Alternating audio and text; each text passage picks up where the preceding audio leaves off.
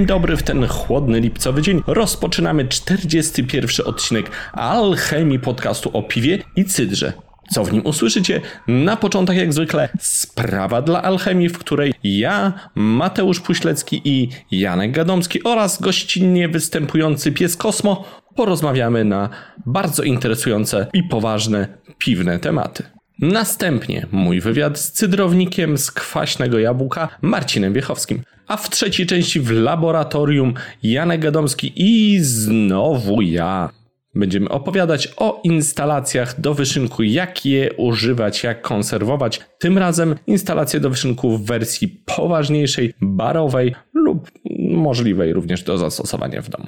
Ja nazywam się Przemek Iwanek i zapraszam Was do wysłuchania 41 odcinka Alchemii podcastu o piwie i cydrze. Rozpoczynamy sprawę dla Alchemii. Jest ze mną Mateusz Puślecki. Cześć Mateuszu. Eluwina. I Janek Gadomski. Cześć Janku. Cześć. Mój temat dotyczy inwestycji, która się szykuje w Katowicach. Mianowicie, no, jakiś tydzień, dwa tygodnie temu widziałem informację na Facebooku o tym, że no, znany nam też w gronie piwowarów domowych i rzemieślniczych e, Amerykanin polskiego pochodzenia, który mieszka na Śląsku, czyli Henry e, Szlezonek, pozdrawienia dla, dla Henry'ego, będzie inwestował w browar bezalkoholowy w Katowicach przy bulwarach nad rzeką Rawą. Bardzo ciekawa inwestycja, ciekawa, ciekawe wizualizacje. To, to będzie coś w stylu takiego browaru restauracyjnego połączonego z taką strefą kulturalną. Tak się przynajmniej wydaje po wizualizacjach. No i pytanie do Was, panowie, czy taka inwestycja w ogóle ma racje bytu finansowe w Polsce? No, pandemia troszeczkę nam pokazała, że, że chyba ma, że wzrosty sprzedaży piwa bezalkoholowego, niskoalkoholowego cały czas są. No ale pytanie, czy, czy sam browar bezalkoholowy, który robi tylko bezalkoholowe piwa, ma szansę na powodzenie? Już kiedyś żeśmy o tym rozmawiali przy okazji Brudoga, który otworzył e, w Londynie, zdaje się, pub e, z tylko i wyłącznie z piwami bezalkoholowymi. I wtedy Jak on się ma? Właśnie, ktoś nie, wie może? Nie mam pojęcia. Pamiętam, że wtedy żeśmy e, prognozowali, że w Polsce raczej, raczej nie odniosłoby do sukcesu, że jeszcze jest za wcześnie. Ja No ale widzisz, ale w pandemii otworzył się multitap bezalkoholowy nad Wisłą. Ja wiem, że w szczególnych warunkach, ale wydawało nam się, że jest to niemożliwe, a jednak, a jednak to się stało. Tak, nie, nie dałeś mi dokończyć. E, natomiast wydaje mi się, że jeżeli chodzi o, o browar restauracyjny, jeżeli to miałby być browar restauracyjny, to wydaje mi się, że, że to jest za wcześnie i że, że raczej to się nie uda. Natomiast jeżeli będą butelkować i prowadzić szeroką sprzedaż na zewnątrz, do, do marketów choćby, do, do multitapów e, i, i do, do, innych barów z piwem, to myślę, że to jest e, skazane na sukces, dlatego że bardzo dużo ludzi przychodzi do multitapów i szuka piwa bezalkoholowego. Jeżeli oni będą to robić w jakiś szczególny sposób albo rzeczywiście będą liderem pod, pod względem jakości tego piwa, to wydaje mi się, że to się musi udać. Ja sądzę, że to jest bardzo odważny krok, także chciałem e, pogratulować, bo czegoś takiego rzeczywiście jeszcze nie było, nie słyszałem przynajmniej w najbliższych okolicach. Czy na Śląsku to się powiedzieć? Śląsk mi się zawsze kojarzył z takim tradycyjnym podejściem właśnie biesiadno-piwnym i wydaje mi się, że może, może się mylę, ponieważ brików też jest tam dużo, ale wydaje mi się, że tam jest taki troszkę bliższy niemieckiej kulturze obyczaj spożywania piwa w dużych ilościach jasnego, klasycznego. Wydaje mi się, że to jest najbardziej taki tradycyjny region. Ale być może y, Henry wie, co robi i być może mu się powiedzie, ja mu życzę jak najlepiej. Nie wiemy właśnie, jak tam z tym brudogiem, nie wiemy, jak takie rzeczy sprawdzają się w Stanach Zjednoczonych, bo na pewno coś takiego gdzieś już tam było. Nie wiem, jak się sprawdzają takie miejsca, jak na przykład pijalnia ziół, bo takie rzeczy też się otwierały w Polsce. Czy to działa? Nie wiem, jest to na pewno coś ciekawego. Jeśli dobrze się rozreklamują marketingowo, to być może ma szansę na powodzenie. Jeśli będzie sprzedawał na zewnątrz, to zgadzam się z Jankiem, jak najbardziej ma to sens. Ja myślę, Promku, że trochę stereotypowo podchodzisz jednak do, do Śląska i tutaj pozdrawiamy naszych, naszych słuchaczy, ale weźmy pod uwagę to, że jednak Śląsk jest to jedna z najbardziej zurbanizowanych części Polski, e, porównywalna wielkością do województwa mazowieckiego. Myślę, że tam koło, w samej konurbacji myślę, że żyje około 3 milionów ludzi. Więc myślę, że klienci też na, na takie piwo się znajdą i nie tylko na wynos w butelkach, ale też, też na miejscu. No jest to jednak ja. duże, duże europejskie miasto Katowice i miasta okoliczne, więc myślę, że też są osoby, dużo osób z zasobnym portfelem, które będą poszukiwały też i piw bezalkoholowych dobrej jakości. Bez dwóch zdań na pewno jest tam dużo ludzi, którzy interesują się kraftem jednak jeśli mówimy o czymś zbliżonym do browaru restauracyjnego, to wydaje mi się, że tu jednak dominują rzeczy bardziej klasyczne, ale i, i też ta klientela takich miejsc jest bardziej tradycyjna, tym bardziej na Śląsku. Tylko o to mi chodziło. Na pewno jest mnóstwo birgików e, ze Śląska, zresztą mają tam dość e, silne grupy, nawet jakieś takie różne e, zbierające się do kupy, pijące razem, także na pewno tak. Ja myślę, że ten obraz Śląska może troszeczkę zakłamywać śląski oddział terenowy PSPD, dlatego że oni tam chyba tłuką tylko pilsy i marceny. Zobaczymy, może nasi e, słuchacze ze Śląska powiedzą mi, że nie mam racji albo mam rację. Napiszcie w komentarzu. E, to teraz mój temat. Ja trochę, mm, trochę, trochę spóźniony temat, a właściwie na fali wymiany zdań na, na wszystkich forach piwnych odnośnie pastry sour. I tak sobie obserwowałem tę dyskusję. Jedni byli za tym, że, że pastry sour jest fajne, inni za tym, że jest niefajne i że należy to zdelegalizować. Natomiast nie, nie dokładnie o tym, a przez pryzmat trochę tego chciałbym, e, chciałbym was zapytać, czy uważacie, że w polskim rzemiośle tak zwani influencerzy mają wpływ na wybór konsumenta, czy nie? Czy takim influencerem pierwszym był Tomek Kopyra i czy na początku to przynosiło jakieś efekty, w sensie ludzie szli za nim, i te, a teraz już nie idą, czy wciąż jest e, ten, mm, ten trend utrzymany, czy może się pojawili jacyś nowi influencerzy? Co wy o tym sądzicie? No mi się wydaje, że biorąc pod uwagę ilość e, subów, które, mm, które ma Tomek na koncie swoim pierwszym e, i, i mocno wzrastający nowy kanał, no siłą rzeczy no on bardzo wpływa na, na ten rynek, zwłaszcza na premiery. E, trochę zaprzestał już jeżdżenia po festiwalach więc i live'owania, więc skupił się, skupił się na premierach i różnych innych testach. E, więc myślę, że on ma mimo wszystko wpływ, jego filmiki, nawet y, najsłabiej oglądające się mają po kilka tysięcy wyświetleń, więc e, biorąc pod uwagę unikalnych użytkowników, którzy to oglądają, no to trzeba to liczyć w tysiące. No jeżeli kto, ktoś może wpłynąć na sprzedaż tysiąca butelek danego piwa, to myślę, że ma sporą, mimo wszystko spory wpływ na, na sprzedaż, a e, wiadomo, że też jego filmy oglądają właściciele multitapów, e, sklepów specjalistycznych, innych różnych miejsc. Też na pewno się sugerują e, po części tym, co, co kupić, co, co warto, a, a co nie warto, więc myślę, że Tomek na pewno dalej pomimo tych spadków zasięgów w social mediach dalej ma, e, ma wpływ. Co do pozostałych, no na pewno też jakiś, jeżeli nie, nie lokalny, bo, bo większość pewnie działa jakoś, jakoś lokalnie, e, to zawsze na swoją grupę jakiś wpływ mają. No, pytanie, jak duża to jest grupa i jak mocno wpływają e, poprzez nie wiem, teksty czy wideo na, na sprzedaż piwa. To jest chyba ciężko mierzalne, tym bardziej, że tak naprawdę w skali influencerów ogólnie, globalnie, no to ten, ta influencerka piwna, no to jest krótko mówiąc plankton, więc yy, porównując do, do innych dziedzin, to są naprawdę jakieś tam śladowe, śladowe zasięgi, które yy, mogą, można generować. Już nie mówię na świecie, ale w Polsce. Hmm, ja myślę, że są takie dwie sprawy. Pod dwoma kątami bym na to spojrzał. Po pierwsze, na pewno są grupy wpływu, że tak powiem, które wpływają na piwo i ja bym na to spojrzał tak z takiej dalekiej perspektywy, jak na takie koncentryczne okręgi, które są od takiego bardzo szerokiego do bardzo wąskiego i ten taki najszerszy to będą oczywiście koncerny, które poprzez swoje reklamy docierają naprawdę do olbrzymich rzesz ludzi, Wcale nie takim małym kółkiem będzie właśnie wspomniany już e, Tomasz Kopyra, wielokrotnie w naszym programie, który rzeczywiście miał bardzo duży wpływ. Mówiło się nawet o efekcie Kopyra, o tym, że e, co Tomek zdegustował u siebie, to czym prędzej musieli właściciele sklepów to kupować, bo e, wiadomo było, że następnego dnia będzie na to klient przyjdzie i będzie pytał, czy już jest. Nie wiem, czy to się zmieniło, czy nie. Mniejsze są też grupki, takie już schodząc tak do środka, już naprawdę malutkie okręgi, które na przykład lansowały e, drogie zagraniczne piwa, albo taki jeszcze malutki krąg z lambikami. Tu już schodzimy do takich naprawdę wąziutkich grup, które są wyłącznie dla fanów piwa i to też mocno zaawansowanych. To jest takie jedno spojrzenie, a drugie spojrzenie to jest pod takim kątem, co tak naprawdę można wylansować, że tak powiem, tudzież wypromować.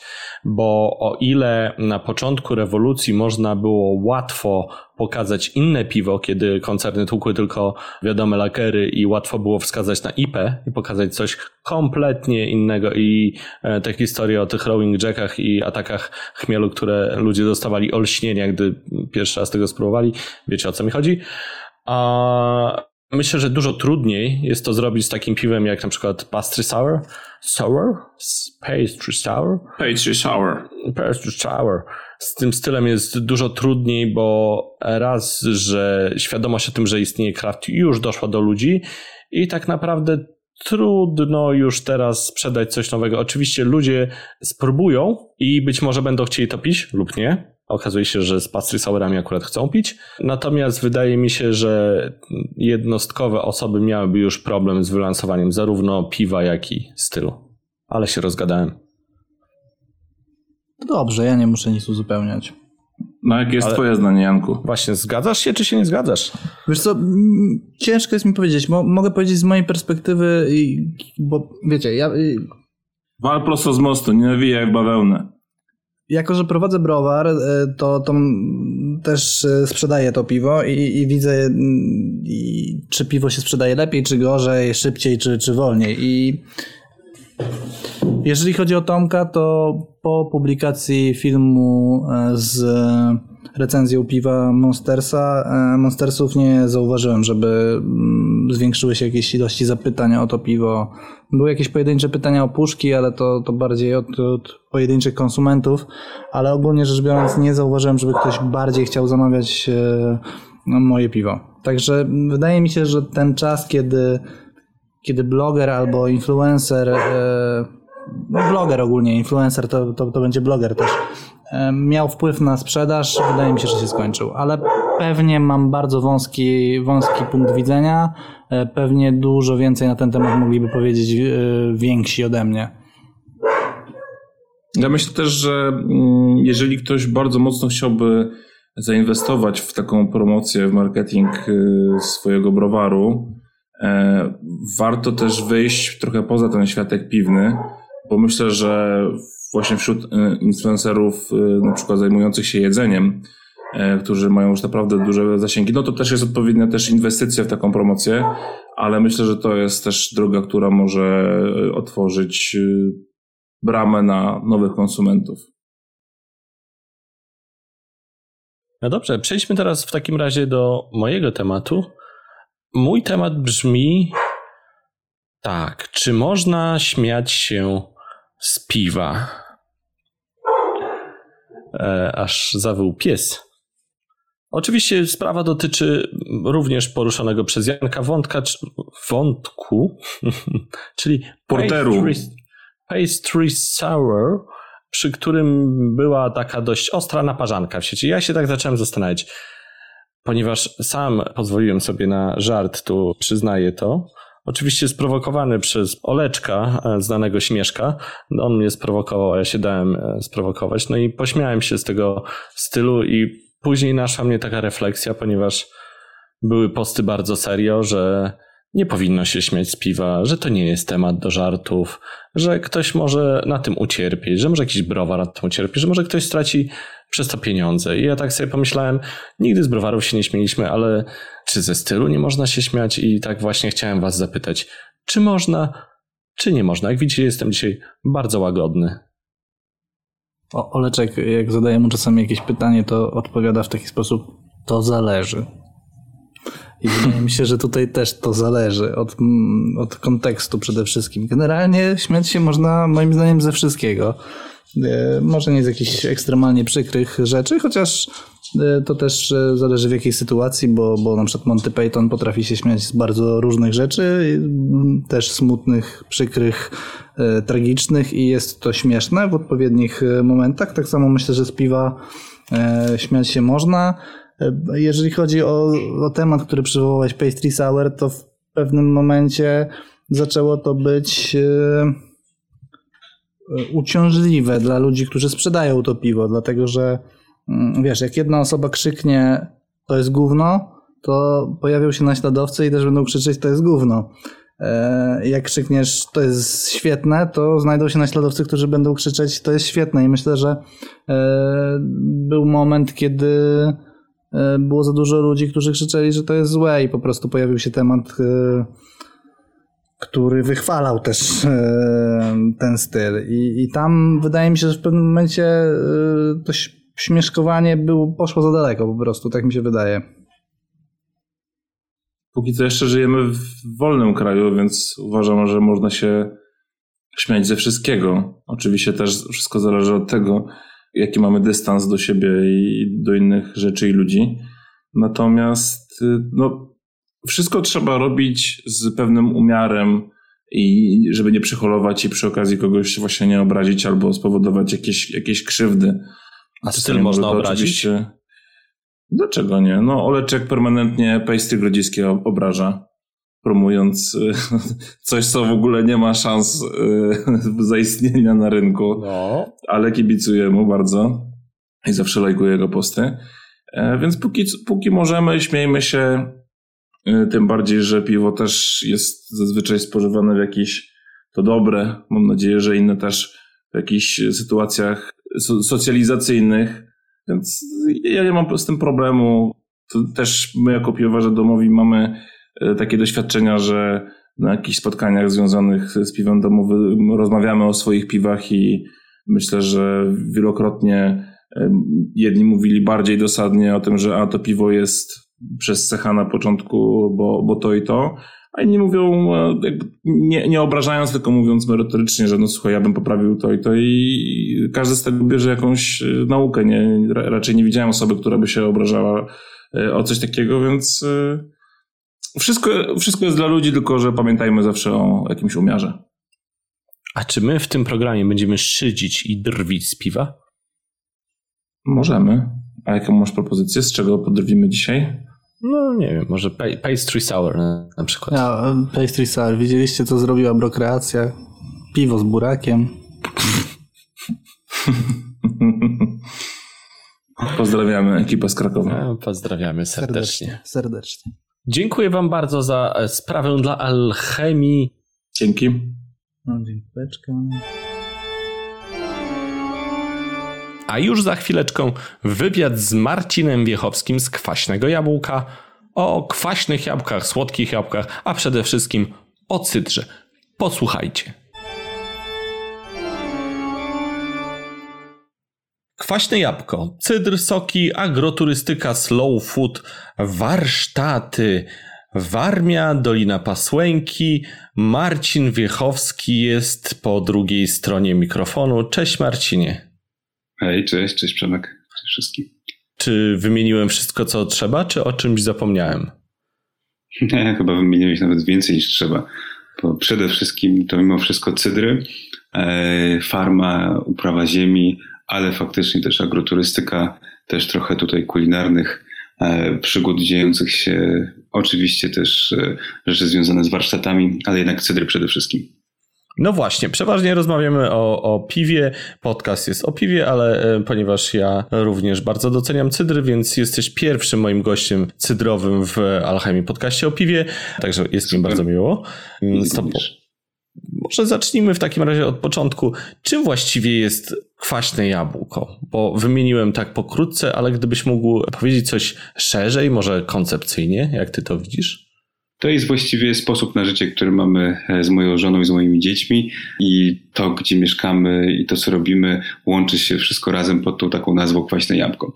A, a konkretnie mamy cydrownię, czyli taką małą um, manufakturę produkującą cydry e, z ekologicznych jabłek, około 10-15 tysięcy butelek rocznie.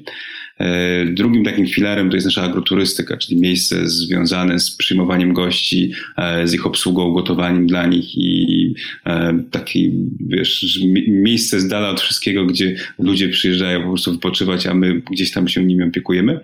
No i trzeci taki filar to jest farma nasza ekologiczna, certyfikowana, niecałe 50 hektarów. Większość z tego to są w tej chwili różne uprawy zbożowe, w tym roku owiec, gryka, ale też maliny, no i oczywiście sady jabłkowe.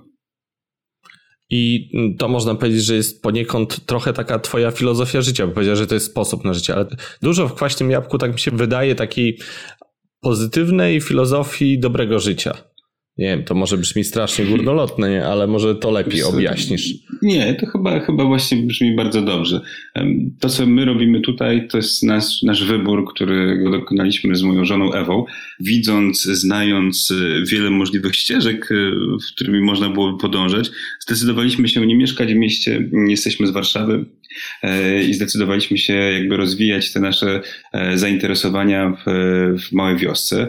I wszystko to, co robimy, staramy się robić z takim, wychodząc z założenia, że to mają być rzeczy, które my lubimy robić. Czyli jeżeli szykujemy agroturystykę, miejsce, w którym wypoczywają goście, to jest to w naszym stylu, tak jak my sami jeździmy i wypoczywamy, z klimatem rodzinnym, tak przygotowane, żeby, żeby osoby, które są podobne do nas, czuły się tutaj dobrze. Jeżeli produkujemy cydr, to produkujemy go bezkompromisowo i z poszanowaniem tych wszystkich wartości, w które wierzymy, sami kupując cydry, piwa czy wina naturalne, a więc robimy to po prostu tak jakby dla siebie. I dokładnie tak samo jest z uprawą ziemi i z naszą farmą. Po prostu e, trochę może uczymy się tego wszystkiego na nowo, natomiast wymyślamy taki sposób upraw i taki sposób gospodarowania ziemią, który by odzwierciedlał to, jakim jesteśmy ludźmi. A więc to nie są biznesy, oczywiście one składają się na jakiś tam biznes i, e, i utrzymują nasz, naszą rodzinę, naszych pracowników, natomiast ich e, punktem wyjściowym i, i, i jakby tym pierwszym momentem ich, ich powstania to była właśnie e, chęć i potrzeba po prostu e, realizowania miejsca i, i rzeczy takich, jak my sami lubimy robić na co dzień. No dobrze, to teraz będzie troszkę grubiej, że tak powiem. Wejdziemy na pole kontrowersji, bo zapytam Cię teraz bardzo podchwytliwie, które słowo bardziej się zdewaluowało, ekologia czy rzemieślnictwo? Które się bardziej, e, wiesz, tak. e, prawdopodobnie żadne z tych słów nie miało e, w ogóle okazji akurat w Polsce zacząć coś znaczyć, a więc to twoje podchwytliwe pytanie jest, jest o tyle ciekawe, że, że rzemiosło i, i, i to pojęcie jakby właśnie rzemieślniczego nie zostało chyba nigdy odbudowane po, po, po, po, po czasach komunistycznych, a już zostało wykorzystane, rozpoczęte wykorzystywanie tego przez przemysł. No i podobnie z ekologii ekologią, mm, mimo że wszyscy zawsze uważaliśmy, że jesteśmy państwem ekologicznym, że każdy z nas ma kogoś na wsi, w rodzinie, kto, który uprawia, uprawia ogródek e, ekologiczny, warzywny, to tak naprawdę niewiele wiemy e, o tej ekologii. I dobrze to, dobrze to zestawiłeś, ponieważ to są takie, powiedziałbym, dwa, mm, e, dwa pojęcia, które zanim się tak naprawdę na dobrze, na dobre rozwinęły w Polsce, to już przestało cokolwiek znaczyć. My, chociaż oczywiście mówimy o sobie, że robimy ekologiczne rzemieślnicze cydry, to coraz rzadziej tak o tym mówimy. Z tego powodu, że rzemieślnicze w tej chwili, rzemieślnicze jako przymiotnik zaczyna być używany przez koncerny piwowarskie, a ekologia zaczyna być używana przez przemysł e, wielkoobszarowego rolnictwa, a więc nie ma to już e, chyba żadnego takiego fajnego znaczenia odzywała się do mnie jedna firma, która produkuje torby ekologiczne, wyobraź sobie, z plastiku. Mm. I, mm-hmm. i, I, oni się bardzo tym szczycą, że, że robią nie z jakiegoś użytego ponownie, tylko po raz pierwszy takiego z ropy naftowej, świeżo wykopanej, z takiego plastiku robią reklamówki. Oni się reklamują jako eko i wszędzie mają na stronie znaczki takie, wiesz, eko, takie zielone listki i wszędzie jest napis eko.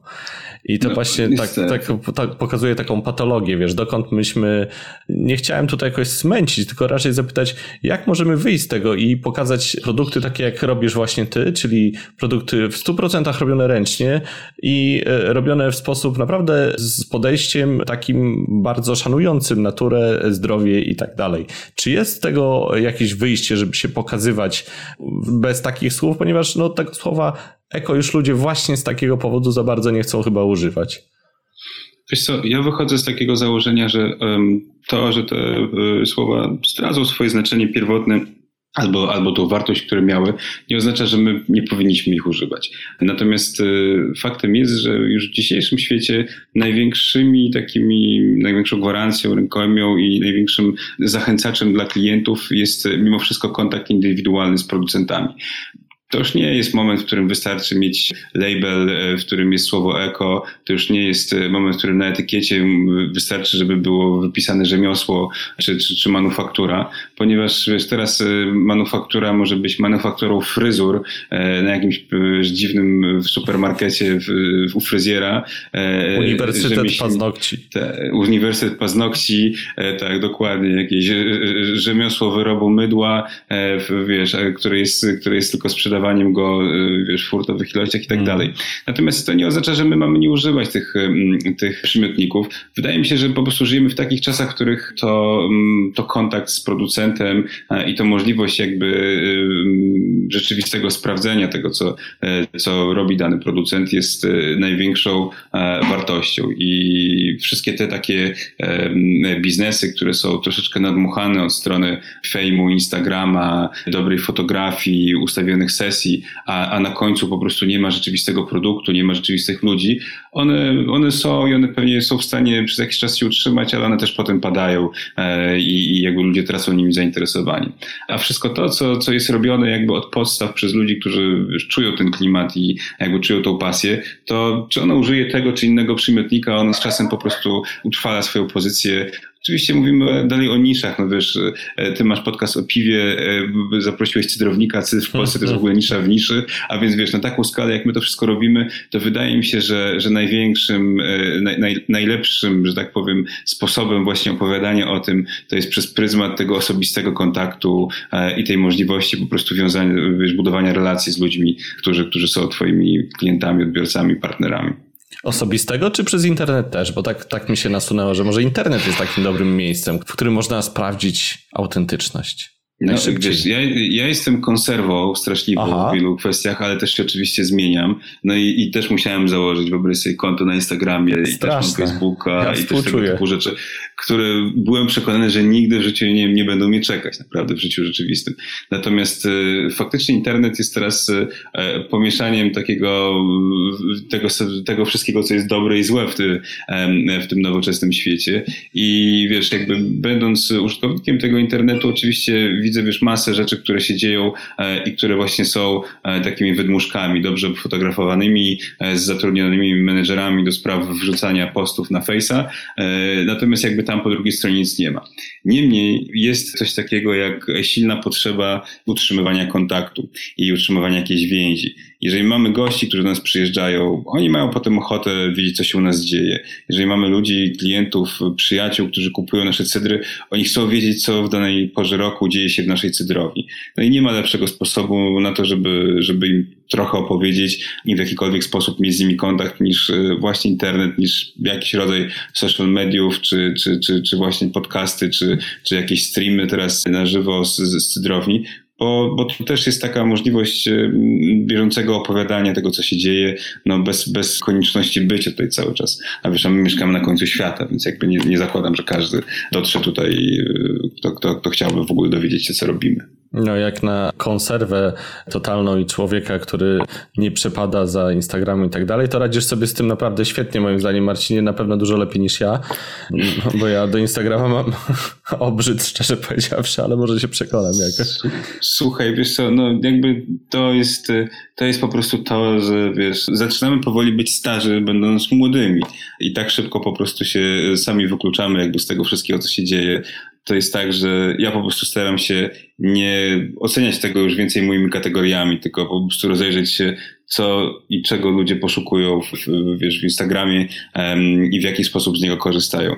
Jest masa patologii jak ze wszystkim, jest masa, wiesz, jakby klikania, scrollowania, ale z drugiej strony jest wiele osób, które naprawdę w ten sposób dba o jakiś rodzaj relacji ze swoimi klientami i, i, codziennie myśli o tym, żeby wrzucić jakieś jedno zdjęcie, bo komuś będzie przyjemnie, jak sobie zobaczy, co tam się dzieje. A więc myślę, że to jest, może być, wiesz, bardzo różnie z tym Instagramem. A TikToka? Za założysz sobie TikToka? Wiesz co, na szczęście już wiem, co to jest, a więc teraz mnie nie zaskoczysz, ponieważ na szczęście mam takiego tutaj przyjaciela w, pomieszkiwującego w naszej wiosce, który, który właśnie sprzedał swoją wielką agencję takich e, właśnie nowych mediów, youtuberów e, i innych tiktokersów, a więc już wiem, co to jest. Nie, chyba nie założę sobie, chyba, że przyjdą takie czasy, że rzeczywiście cały kontakt z, z, z Facebooka, który przyniósł się na Instagrama, potem przyniesie się z Instagrama właśnie na, na, na kolejne jakieś media medium, no i pewnie wtedy mogę być zmuszony, ale wiesz, no to, to, to możliwe, że moje dzieciaki będą kiedyś po prostu kwaśniapkowymi tiktokerami, a nie ja już na szczęście. Jasne, dobrze, zostawmy ten temat. E, wróćmy może do, do e, Twojej działalności. I e, tak sobie pomyślałem, jak Cię wypytywać o tyle rzeczy, będzie za dużo pytań, więc może ja będę rzucał hasła, a Ty byś Jasne. troszkę potłumaczył, o co w tym wszystkim chodzi. Na przykład cydry musujące i niemusujące. Słuchaj, cydrom, e, jeżeli chodzi o naturę produkcji, troszeczkę bliżej jest do wina, w tym sensie, że to jest taki produkt e, e, winiarski, który rządzi się tym takim cyklem natury owocu, czyli uprawa, dojrzewanie owoców, zbiór, tłoczenie, fermentacja, dojrzewanie, butelkowanie. No i tak samo jak wszystkie produkty winiarskie, po fermentacji jest cichy, niemusujący, dlatego że cały dwutlenek węgla, który powstaje w trakcie fermentacji, ulatnia się z kadzi. Rzadko które cydry są e, fermentowane w kadziach takich ciśnieniowych. E, oczywiście tak też można robić, natomiast wiele, większość cydrów e, w takich jakościowych jest fermentowana w kadziach po prostu, w których, których jakby jest odprowadzane całe CO2. No i w sytuacji, w której mamy, mamy te cydry jakościowe, to one podlegają tym samym prawidłom co wina. Może być wino niemusujące, ciche, spokojne, może być wino musujące i tak samo cydr niemusujący, cichy, spokojny spokojny, jest po prostu butelkowany po tej fermentacji, e, po e, jakby pozbyciu się gazu, po dojrzewaniu. To dojrzewanie może być w tankach stalowych, może być w beczkach dębowych, e, nawet pewnie ktoś sobie może je wymyślić w amforach i jest po prostu butelkowany zupełnie zwyczajnie. Natomiast cytr musujący, który ma tą zawartość CO2, może być musujący z kilku powodów. Może być musujący z powodu takiej najbardziej starej metody, czyli tej metody ancestrale, teraz w popularnie nazywanej petnat, czyli de facto jest to fermentujący e, jeszcze cytr, gdzie zwalnia fermentację, jest zlewany do butelek i dokończy się fermentacja w zamkniętej butelce. Z tego się bierze musowanie. Może być to metoda znana w, przy produkcji szampanów, czyli e, cichy, niemusujący cytr jest zamykany w butelkach e, z odrobiną cukru, najlepiej pochodzenia jabłkowego i drożdży i następuje druga fermentacja w butelce. Albo może być taka sztuczne nasycenie CO2, które często jest w piwiarstwie, piwowarstwie jakby tym takim większym znane, takie wiesz, jakby po prostu przy butelkowaniu. No oczywiście też są inne metody, metody Charmant i tak dalej, które, których jakby pewnie można by lecieć. Natomiast co do zasady, cytr jest i musujący, i niemusujący i już no. I takie produkujesz, bo y, jako jeden z nielicznych w Polsce robisz cydry właśnie niemusujące, bo jednak większość zarówno konsumentów, jak i producentów idzie w te musiaki. Może być. Wiesz co, jest to związane również z tym, że mm, cydr mm, e, i zainteresowanie cydrem jest często związane z zainteresowaniem z cydrem e, takim przemysłowym i zainteresowaniem z tym cydrem produkowanym na masową skalę. Bardzo dużo osób, które w Polsce zaczęło się interesować cydrem, zainteresowało się nim po wizycie w Wielkiej Brytanii, gdzie większość takiego szeroko dostępnego cydru, sklepowego, marketowego, pubowego jest po prostu e, musująca. I wydaje mi się, że to jest jakby z tym związane, że taka rodząca się kultura spożycia w ogóle mm, nie rozumiała albo nie widziała istnienia cydru niemusującego. Natomiast e, powiem Ci, że może jestem jednym z niewielu, e, którzy robią to, ale wiele najfajniejszych cydrów, które kiedykolwiek w życiu piłem, między innymi brytyjskich, to były właśnie cydry niemusujące, więc jakby wzorując się na tym, co, co gdzieś kiedyś mi smakowało, też poszukuję takiej możliwości, wiesz, zrobienia czegoś ciekawego. A skoro mówimy o kulturze brytyjskiej i właśnie niemusujących cydrach, to kultura pubowa i te właśnie z pompy cydry, czy to jest dla ciebie interesujący temat, czy nie? Wiesz co, ja po prostu mam korzenie bardzo winiarskie, jeżeli chodzi o, o, o, moją produkcję. Ja jakby też interesowałem się cydrem, ale też interesuję się od wielu lat e, winiarstwem i winem e, i bliżej mi do, e, do takiego, powiedziałbym, winiarskiego sposobu produkcji i spożycia, niż do, do takiego bardziej związanego, wiesz, z pubami i z, i, i z tego typu jakby kulturą, wiesz, produkcji spożycia. Co nie oznacza, że uważam, że któraś jest lepsza, a która jest gorsza. Po prostu jakby mi osobiście jest bliżej do tego. Wynika to też z tego, że ja po prostu widzę w jabłkach i w, i w cydrach jabłkowych bardzo silny potencjał gastronomiczny, jako takiej pary e, dla jedzenia, dla kuchni szczególnie polskiej. E, a co za tym idzie, w, dużo bardziej wolę takie cydry, które są delikatniejsze, bardziej zbudowane wokół kwasowości, nie mają aż tak silnego ciała e, i, i, i, i przez to są lżejszym akompaniamentem w trakcie posiłków. Wiele natomiast cydrów pubowych, które mają mus głosowanie. E, ma też e, cukier resztkowy. E, często te brytyjskie, brytyjskie cydry w ogóle mają bardzo silną strukturę taniczną, są dużo cięższe i one są super do picia solo, ale czasami e, trudno jest skomponować się e, z jakimś rozsądnym posiłkiem.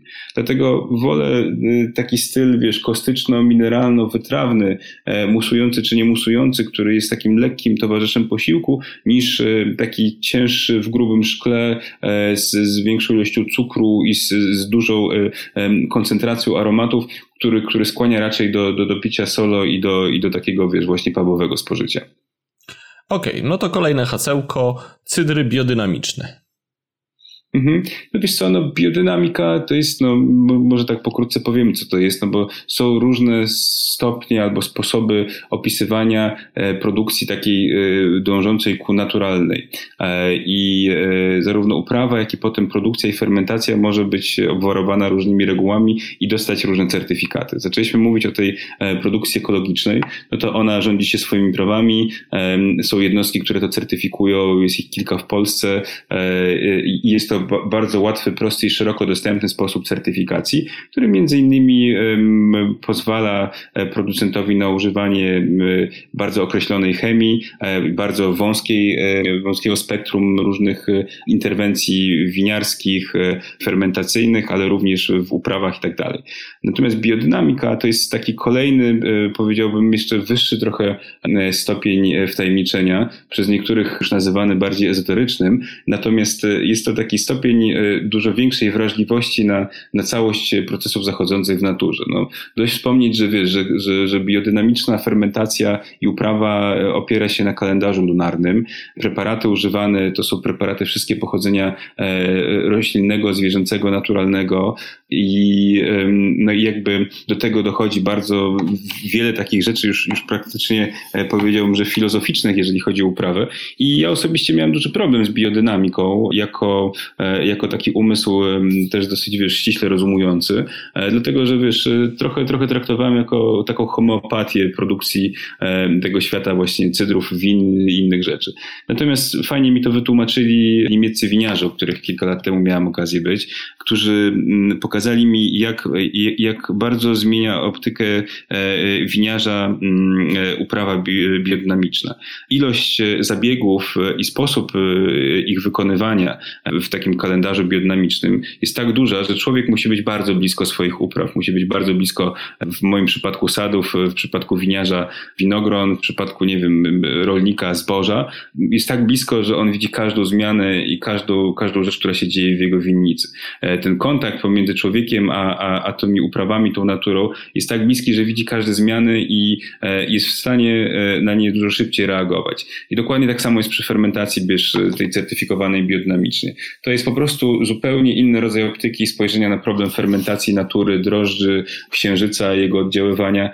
A więc ja generalnie jestem na tak, my nie jesteśmy biodynamiczni, może kiedyś będziemy, używamy elementów biodynamiki, natomiast y, dla jednych to będzie sposób na uprawę, dla innych to będzie religia, ale, ale generalnie jestem na tak. No cóż, mam powiedzieć, ja jako producent cydru pełnia jestem w pełni zobligowany. Pełen zrozumienia dla e, faz księżyca i tego typu rzeczy. Zresztą powiem szczerze, zupełnie się nigdy nie interesowałem biodynamiką. Też troszkę uważając ją za, tak jak powiedziałeś, homeopatia, to jest dobre sformułowanie. Natomiast też nie byłem całkowicie sceptyczny i nie mówiłem nie takim metodom. Natomiast wiesz, co ja jeszcze widzę w tym?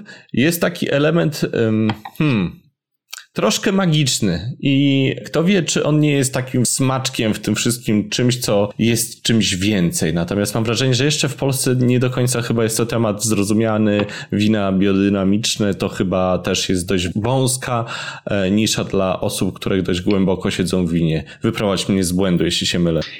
Wiesz co, no powiem ci tak, ta, ta, ta grupa odbiorców win biodynamicznych jest naprawdę wąska, tym bardziej, że jedyna jednostka w Polsce certyfikująca tę biodynamikę, e, czyli Demeter, e, on był obecny w 2000, nie wiem, chyba szóstym roku, czwartym roku, coś takiego, nie wiem, tam w, w, tamtych latach, po czym wyszedł z Polski. I przez wiele lat w ogóle nawet nie było możliwości jakby skorzystania to jest lokalnej jednostki certyfikującej, tylko dojeżdżali osoby certyfikujące z Niemiec, z Włoch, z Francji, ponieważ po prostu nie, nie, nikogo nie było w Polsce, kto by był zainteresowany też taką produkcją i certyfikowaniem tego, przynajmniej było na tyle, e, na tyle mało rolników. Teraz to się zmienia i w e, ten e, biodynamika, jeżeli chodzi o sposób produkcji, szczególnie w tym świecie winiarskim jest bardzo, bardzo szeroko jakby obecna. To też wynika z tego, że współczesne winiarstwo boryka się z zupełnie nowymi problemami, z którymi jeszcze nigdy wcześniej jakby w historii winiarstwa nie miało do czynienia, czyli zmianami klimatu, które mhm. wydawać by się mogło, że są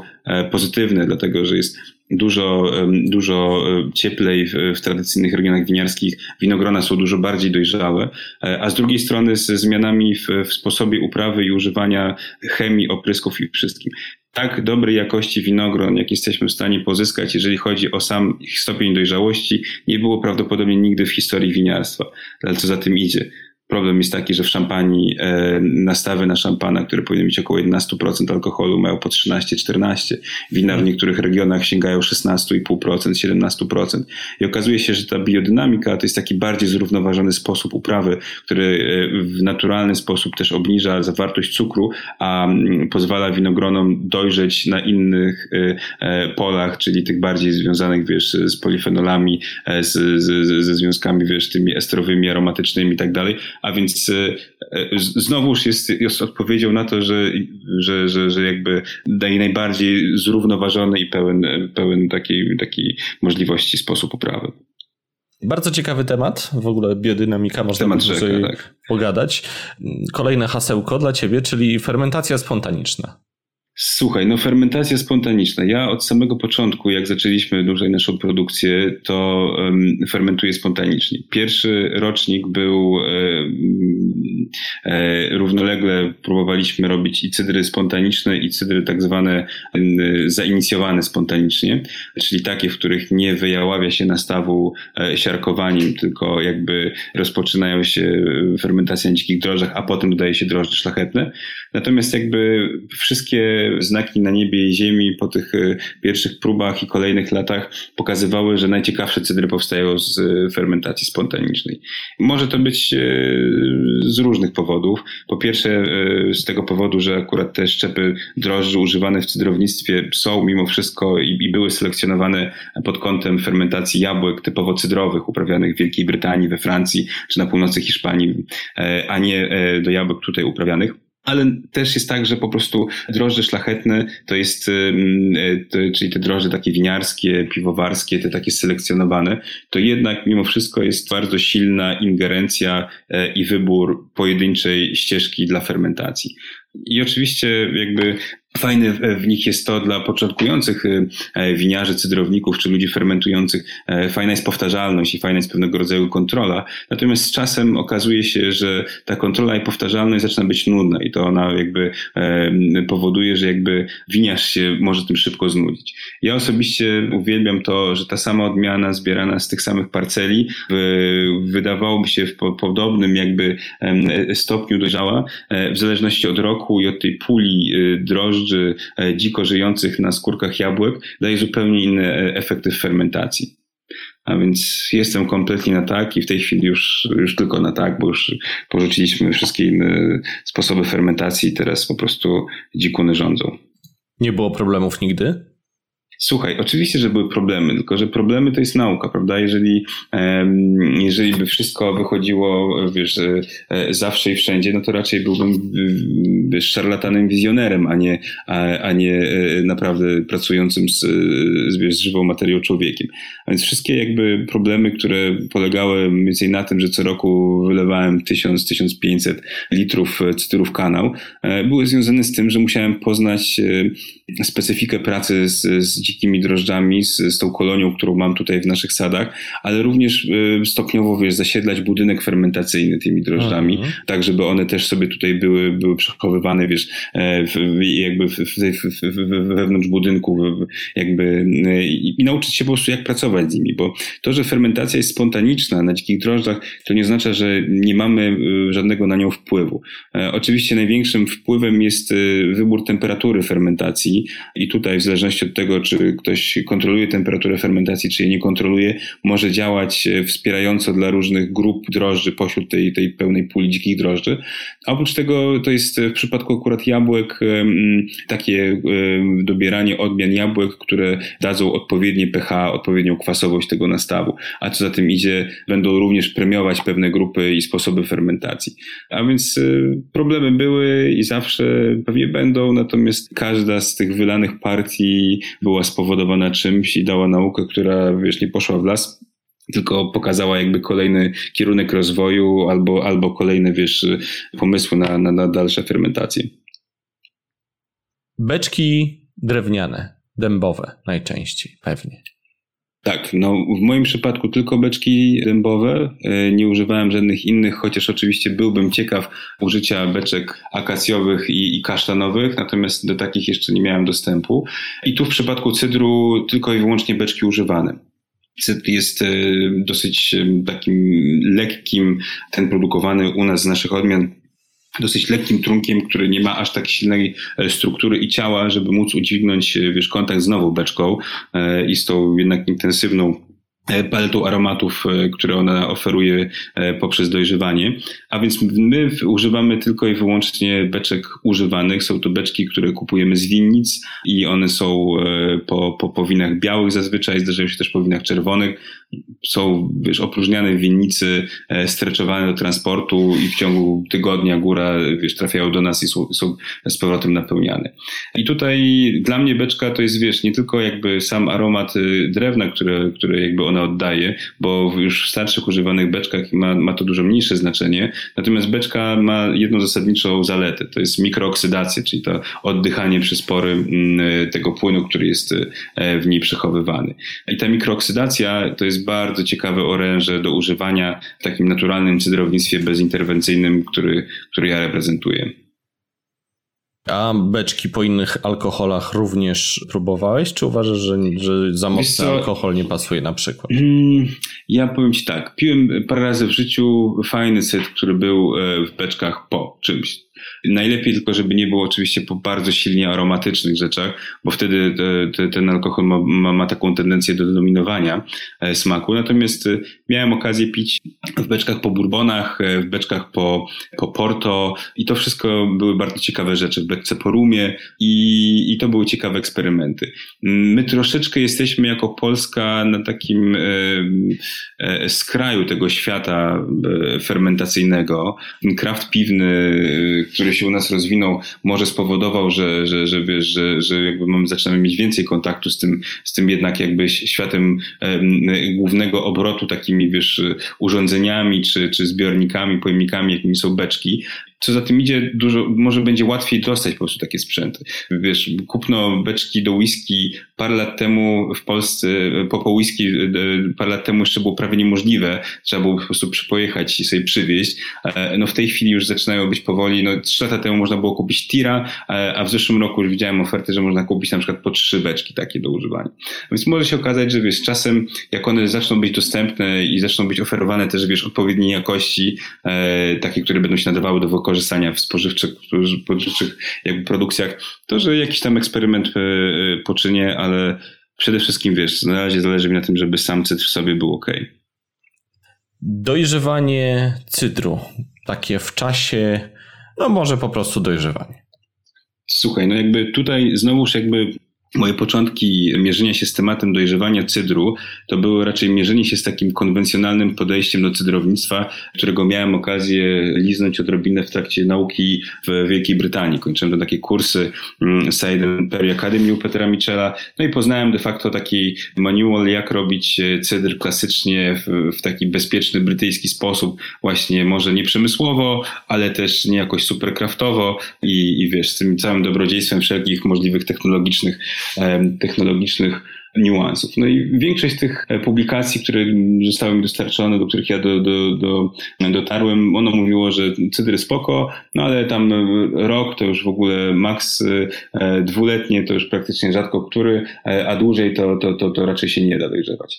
Wypuszczenie cydru to jest po trzech miesiącach od fermentacji już powinno być i tak dalej, i tak dalej. No ja troszeczkę poszedłem od razu w, na, na przekór tym naukom, to znaczy, że od pierwszego rocznika wypuszczałem moje cydry dopiero po pełnym roku roku, po, po zamknięciu jakby tego pełnego roku tego cyklu fermentacyjno-zbiorczego. A więc, a więc je wypuszczałem w takim troszkę bardziej winiarskim rytmie. No i co zaobserwowałem? Zaobserwowałem to, że sporo odmian i sporo jabłek nadaje się do dłuższego dojrzewania, a nawet tego dojrzewania wymaga. I najciekawsze efekty dają po dwóch latach, trzech latach dojrzewania. Ale też bardzo wiele odmian najlepsza i najsmaczniejsza jest za młodu, powiedzmy po tym roku e, od fermentacji, kiedy, kiedy jest w pełni jakby wigoru, E, jest najbardziej owocowa, rzeźka e, i kwasowa. Ekstremalnie długo dojrzewany cyt, który wypuściłem najdłużej, to był cyt, który był czteroletni w momencie zabutelkowania. Trzy lata dojrzewał w kadziach na osadzie, potem był zlewany za dosadu, rok dojrzewał w butelkach, a czteroletni dopiero został wypuszczony na, na rynek. W tej chwili on ma pięć lat, znaczy on się szybko rozprzedał, ma pięć lat i zdarza mi się otwierać butelki i jest bardzo fajny. Natomiast no, dzisiaj wysłał mi nasz kumpel z, z takiego sklepu winiarskiego Wine Love z winami naturalnymi e, z Poznania Michał e, zdjęcie, degustował cyt, który, który dostał ode mnie z okazji tam urodzin rocz, ro, pierwszego roczku jego nowego miejsca i dostał ode mnie taki cyt z mojego pierwszego rocznika, czyli to był taki jeszcze nieoficjalny rocznik 2011. E, I on go otworzył i wypił właśnie dzisiaj z, znajomymi, którzy go odwiedzali w tym wine barze i, i przedegustowali, wiesz, dziewięcioletni cyt i mówi, że super, że, że wiesz, że, że fajny, dobrze trzymający się, no taki już, już, już bogatszy, głębszy w aromatach i że bardzo fajny. I wiesz, ja przechowuję z każdej partii cydru po kilkanaście butelek i otwieram je, jak tutaj są okazje jakieś do tego, żeby zdegustować i, i patrzeć, co się z nimi dzieje. I powiem Ci oczywiście, że wiele cydrów pada i zdycha, ale wiele cydrów jest po prostu no, po, po pięciu, ośmiu, dziesięciu latach w ogóle w swojej szczytowej formie. To jest ciekawa obserwacja. Ja mam też taką obserwację drobną, zwłaszcza na cydrach brytyjskich, że jeśli kupowałem te cydry robione rzemieślniczo, to mhm. te, które były mocno bretowe, one rzeczywiście bardzo szybko się starzały. Mhm.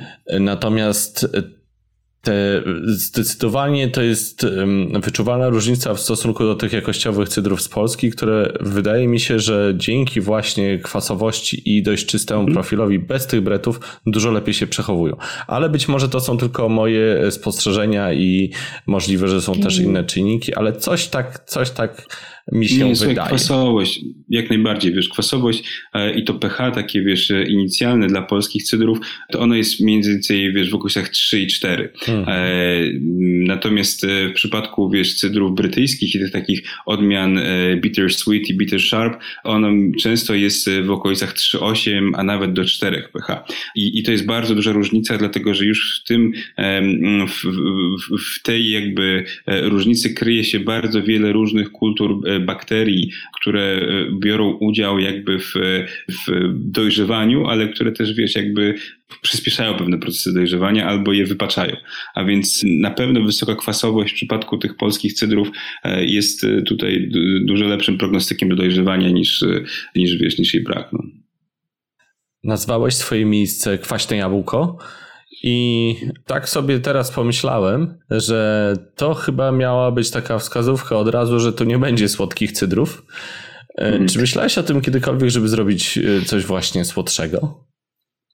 Słuchaj, ja robię jeden cyd, który jest powiedzmy, że off-dry, natomiast wiesz, mój styl i moje preferencje są raczej zawierające się w tym słowie kwas. To znaczy, wiesz, ostro na krawędzi, bezkompromisowo to, to, nie jest tak, że ja nie zrobiłbym e, słodkiego cydru, e, cydru lodowego, czy tego, czy tego ogniowego, jakiegoś takiego, który po prostu by miał dużo więcej cukru. Tylko wiesz, ja takich rzeczy kompletnie nie pijam ja naprawdę jakby doceniam e, aromaty i złożoność, e, wiesz, słodkich win, lodowych cydrów i, i bardzo, wiesz, e, gęstych piw o, o tym kosmicznym Belgię. Natomiast ja nie jestem odbiorcą tego, ja tego w ogóle nie pijam. Ja, ja mogę, wiesz, spróbówki spróbować, a, ale, ale wiesz, jak patrzę, ile, ile schodzi mi butelek czego innego w, w roku, to, to, to, to jeżeli zejdzie mi jedna butelka wina słodkiego, czy dwie na, na, wiesz, na 200 innych, to i tak tak, to i tak to jest y, prawdopodobnie, prawdopodobnie tych butelek nawet mniej schodzi słodkiego. I w związku też z tym, wychodząc z tego założenia, wiesz, ja nie, nie robiłem nigdy takich rzeczy, e, ponieważ ja ich nie piję. E, robiłem, wiesz, silnie utleniane, gęste w stylu sherry, nadal wytrawne. E, robiłem też, też próby takie lodowe, ale z, z, z, taki, z taką ekstrakcją, która nadal pozwala przefermentować do wytrawności całości nastawu. Natomiast, wiesz, no, nie robię i ten. Ale, wiesz, jak jakby jest kilku, wiesz, cydrowników w Polsce, którzy robi słodkie i, i są one, wiesz, fenomenalne, są, są, e, są świetnej jakości, świetnej koncentracji i na pewno znajdują swoich odbiorców. Gdybyś spojrzał z szerszej perspektywy, bo prowadzisz też warsztaty, spotkasz się z ludźmi, słuchasz opinii na temat swoich produktów i innych, czy uważasz, że tak naprawdę my, jako szerzej społeczeństwo, nadal wymagamy i potrzebujemy tych słodkich czy też półsłodkich produktów? Czy może jednak troszkę już jest większe zrozumienie dla wytrawności? Słuchaj, my wszyscy żyjemy w swoich własnych bańkach i wiesz, jak to jest. Jakby, jak się obracasz w swojej bańce, to zastanawiasz się po pierwsze, jakby kto głosował na innego kandydata niż ty w wyborach prezydenckich, jak to jest, że wszyscy, których znasz, lubią wytrawne, a mówi się, że wszyscy wolą słodkie, e, no i kto kupuje całą to Coca-Colę w Polsce. E, no ale generalnie jest tak, że, że wiesz, jakby to spektrum gustów i upodobań jest dosyć szerokie e, i moje, moja świadomość tego, że to, co ja lubię i to, co robię, to jest jednak bańka w bańce, jest na tyle duża, że, że wiesz, że no, wiem, że Polacy generalnie wolą, wolą słodkie. E, ale e, w odniesieniu do, e, do wyrobów winiarskich, i jest to cały czas prawda. Natomiast, no nie wiem, no zobacz, co się dzieje w, w świecie piwa. My jesteśmy mimo wszystko państwem, w którym jest bardzo mało e, takich piw wytrawnych, wytrawnych. Wszystkie są takie silnie słodowe i one wszystkie są, znaczy ja mówię o tym mainstreamie, prawda? To, co ludzie piją generalnie, to one wszystkie są e, mimo wszystko bardzo słodkie. Porównując to do piw czeskich czy, czy niemieckich, to nasze piwa są zawsze takie słodkie. Przynajmniej to jest moje odczucie, jakby takie, wiesz, e, jeśli chodzi o ten taki e, e, mainstream. W świecie wina ludzie powoli dopiero uczą się pić wina wytrawne, a nie pytać o półwytrawne czy półsłodkie. W świecie cydru jest, jest bardzo podobny, wiesz, jakby ja od samego początku byłem pytany, czy, czy, czy mam coś takiego słodszego, czy, czy, czy, czy mogę coś zaproponować. No ale to jest tak, że jeżeli mamy zmieniać te postawy i mamy ludzi edukować i mamy i mamy jakby wpływać na to, mm, czego poszukują konsumenci, no to nie możemy, przynajmniej w mojej perspektywie, tylko i wyłącznie słuchać e, ich potrzeb i schybiać ich gustom, bo wtedy będziemy petryfikować ten układ na zawsze, a mi raczej zależy na tym, żeby e, w tej skali takiej kwasowatości zawsze mogło być kwaśne jabłko, które może będzie najbardziej skrajnym i kwaśnym polskim cydrem, ale będzie tym takim, wiesz, y, punktem rozszerzającym tą skalę dostępnych cydrów, wiesz, po jednej stronie.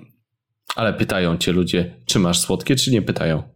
Oczywiście, że mnie pytają. Aha, ale ci powiem, że ja zauważyłem, że coraz rzadziej, dawno nie słyszałem Coraz pytania to o, o słodki cydr. Może powolutku gdzieś tam się to zaczyna ruszać. Wiesz Podobno, co, chyba na Mhm. pewno tak. No, na pewno tak. Podobno też y, sprzedaż właśnie win półsłodkich spada. Podobno w Polsce, ale nie Mhm. wiem. Nie wiem, czy to jest prawda. Dobrze, y, porzućmy mam, ten nadzieję, temat. mam nadzieję, że spada.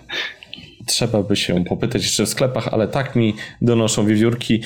Kolejne pytanie, bo to był taki jeden z pierwszych mitów. Jest jeszcze drugi mit pod tytułem y, tego cydru to nikt nie chce pić rzemieślniczego, ani sprzedawać się go nie da.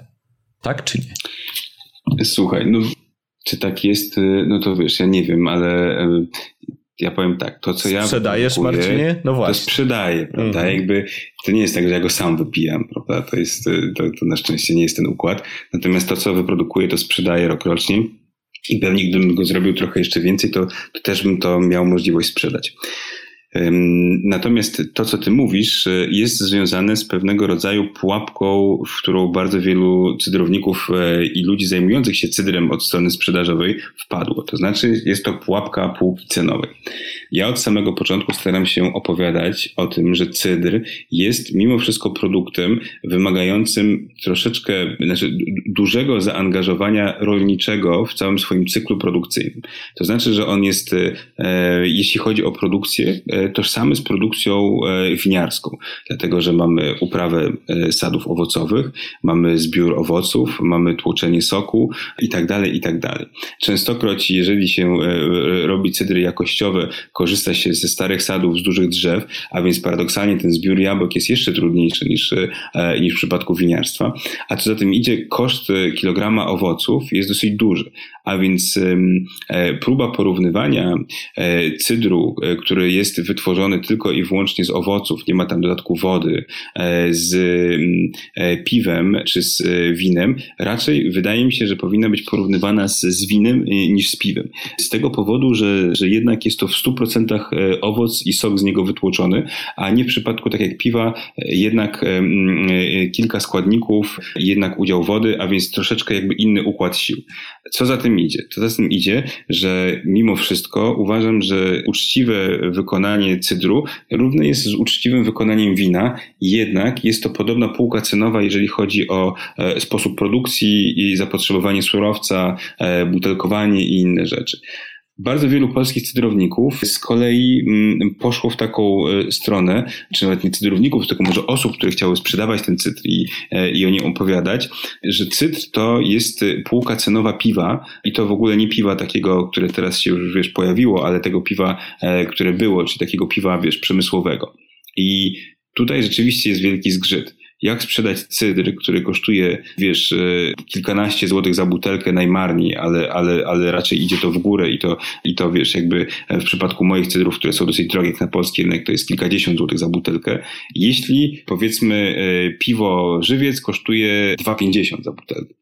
No i wtedy pojawia się cały, cały problem z tym, jak, jak go em, reklamować, gdzie on się powinien pojawiać, jak o nim opowiadać, e, ile on powinien kosztować, no i że za tyle to się go nie da sprzedać.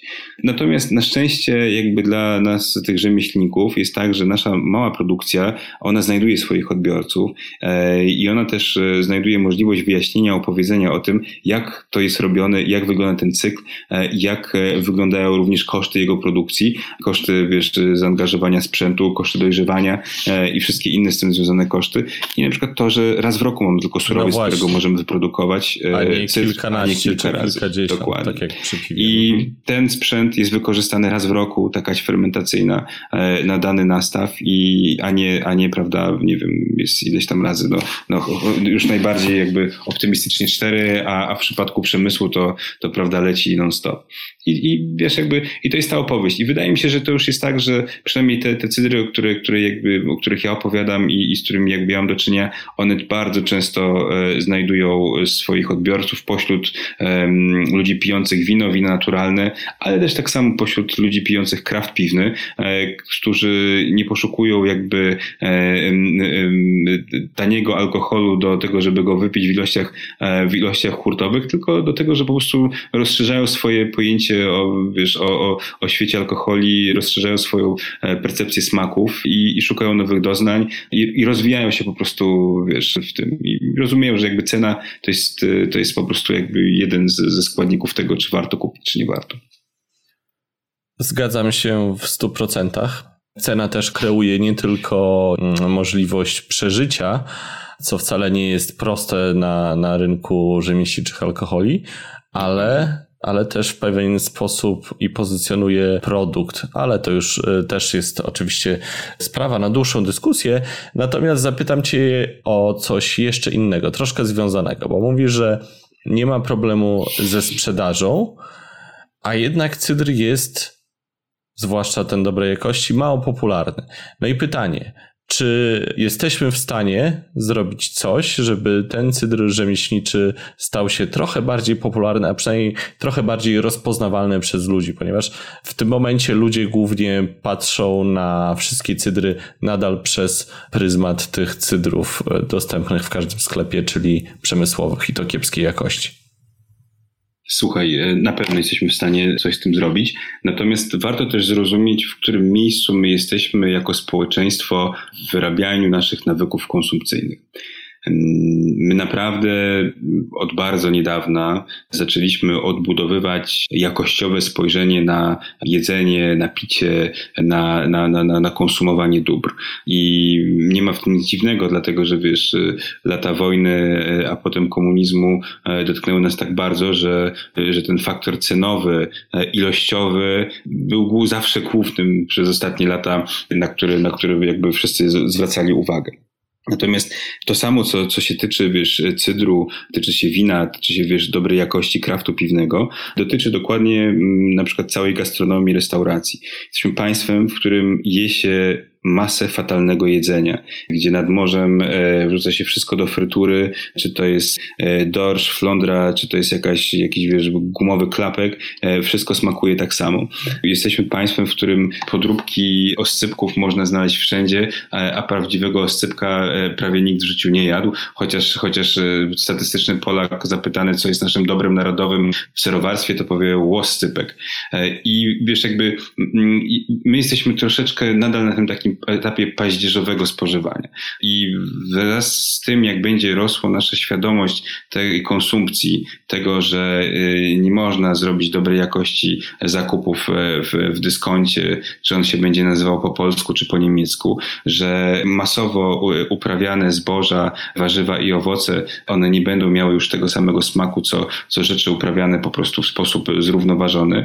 I dokładnie to samo będzie z winem, z piwem, z cydrem i, i ze wszystkim, że to są po prostu wymagamy takiego, wiesz, podskoczenia o jeden stopień e, w tej świadomości e, spożywania wszystkiego. Więc to nie jest tak, że możemy powiedzieć, słuchajcie, teraz zapracujemy na to, żeby cydr był rozpoznawalną e, marką w Polsce i wszyscy chcieli pić cydr jakościowy. My musimy pracować nad tym, żeby ludzie w Polsce jedli świadomie, pili świadomie, jedli dobrze, pili dobrze, żeby może jedli mniej, ale lepiej, może pili mniej, mniej, ale lepiej. I to jest tak jakby, wiesz, praca na wszystkich, e, wszystkich polach. No i my to swoje cydrowe jakby poletko możemy uprawiać, tłumacząc ludziom, że mm, to jakby cydr dostępny na każdej stacji benzynowej na L, e, to nie do końca może jest e, to. I, ale też musimy dbać o to, żeby, wiesz, żeby reprezentować też wysoką kulturę, oczywiście nie tylko osobistą, ale, ale też taką spożywania i jakby sięgania po, po różne elementy tego, tego gastronomicznego świata. Czyli jest nadzieja.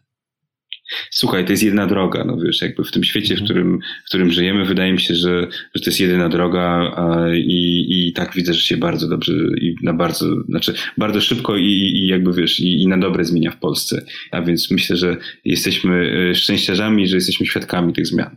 Okej, okay, dobrze. Ja jestem w stanie to przyjąć, że coraz więcej ludzi dba o to, jak jeść, co pić. Natomiast czy nie jest troszkę tak, że ludzie nie postrzegają właśnie przez działania tych dużych firm cydru jako czegoś, co może być jakościowe. To znaczy, nie piję cydru, bo on jest niedobry. Słyszałem to niestety dużo częściej niż poproszę cydr słodki. Tak, to była wiesz, wielka dyskusja w środowisku e, cydrowym, tym naszym mikro, jak e, Ambra zaczęła produkować na masową skalę cydr, jak podłapały to wszystkie możliwe Jantonie, Warwiny i tak dalej. To czy, czy to jest dobre dla, dla cydru w Polsce, czy to nie jest dobre dla cydru w Polsce? Wszyscy oczywiście podzielili się, jak to zwykle bywało, na pół. Jedni uważali, że to jest super, dlatego że zostanie w ogóle wprowadzona kategoria, e, a drudzy uważali, że mm, to nie jest do końca super, dlatego że ta kategoria zanim powstała zostanie zawłaszczona Wiesz, ja oczywiście byłem w tej drugiej, w tej drugiej grupie, e, twierdząc, że, że to może nie jest najwspanialsze, że przemysł się wziął za cydr, bo przemysł próbuje o tym opowiedzieć jako tanie piwo jabłkowe dla kobiet, a nie, wiesz, jakościowy produkt. Natomiast, e, wiesz, no, wszędzie jakby jest tak, że wszystkie produkty mają jakąś swoją reprezentację przemysłową i ona też, też e, gdzieś jest obecna na półce. Ja po prostu uważam, że mm, no, wiesz co, ten, ten jakościowy cydr, on żeby mógł zaistnieć, to wymaga takich zmian systemowych. Znaczy, że e, systemowo on się musi gdzieś pojawiać. On musi się pojawiać w restauracjach a więc to jest praca z e, kelnerami, z, z, z kucharzami e, i tak dalej. On się musi pojawiać w barach, a więc to jest praca z barmanami, e, nad koktajlami, nad, nad, wiesz, nad połączeniami smakowymi. On się musi pojawiać w kawiarniach, a więc to jest, wiesz, tego typu praca. I chodzi o to, że on się musi pojawiać, dlatego że statystyczny Polak, jak wejdzie do knajpy i powie, że chciałby coś do picia, kelner się spyta, co, to proszę im coś polecić, no to jeżeli kelner, wiesz, nigdy w życiu nie słyszał o cydrze, to go nigdy w życiu nie, po, nie, nie poleci leci. Więc ta praca i, i, i, to, i to, wiesz, jakby skupienie się na tym takim, wiesz, rozwijaniu tego myślę, że przyniesie szybko efekty. To ja się tego będę trzymał. Czy mógłbym Ci czegoś życzyć, Marcinie, na sam koniec naszej rozmowy? Hmm. Słuchaj, no mógłbyś mi życzyć, e, e, żeby ten, żeby e, pogoda była tak łaskawa jak do tej pory, bo to jest fajny sezon, bo pada sporo deszczu i, i ten jakby takiego zrównoważonej pogody, ponieważ to jest nam bardzo potrzebne, żeby nasze sady wiesz fajnie rosły, więc pogody dobrej, bo wiesz, reszta, reszta jest jakby, reszta jest dobra. To tego Ci życzę, Marcinie, i dziękuję Ci bardzo za rozmowę, a wszystkich e, zapraszam. Dzięki za zaproszenie wielkie. E, dziękuję bardzo. A wszystkich e, zapraszam do zapoznania się z ofertą kwaśnego jabłka, bo wszyscy strasznie chwalą tą agroturystykę. Ja jeszcze tam nie dotarłem, ale kiedyś na pewno dotrę. Czy to jest Warmian czy Mazury? Moje ostatnie pytanie, już takie poza. Słuchaj, wiesz co, to jest tak. My jesteśmy praktycznie na granicy obecnej Warmii i Mazur ci, którzy nas jadą, mówią, że jadą na Warmię. E, administracyjnie jesteśmy w Mazurach Zachodnich, ale tak naprawdę to jest Oberland, czyli Górne Prusy. Czyli wszystko jasne. Dziękuję jeszcze raz i do usłyszenia i zobaczenia. Cześć. Dzięki, dzięki wielkie. Cześć, hej, hej. Gdy wywiad dobiegnie końca, zazwyczaj drę sobie łacha z monstersów. Tym razem nie wypada, gdyż w laboratorium oprócz wspaniałego Janka Gadomskiego pojawię się również ja sam. Przejdźmy zatem do laboratorium.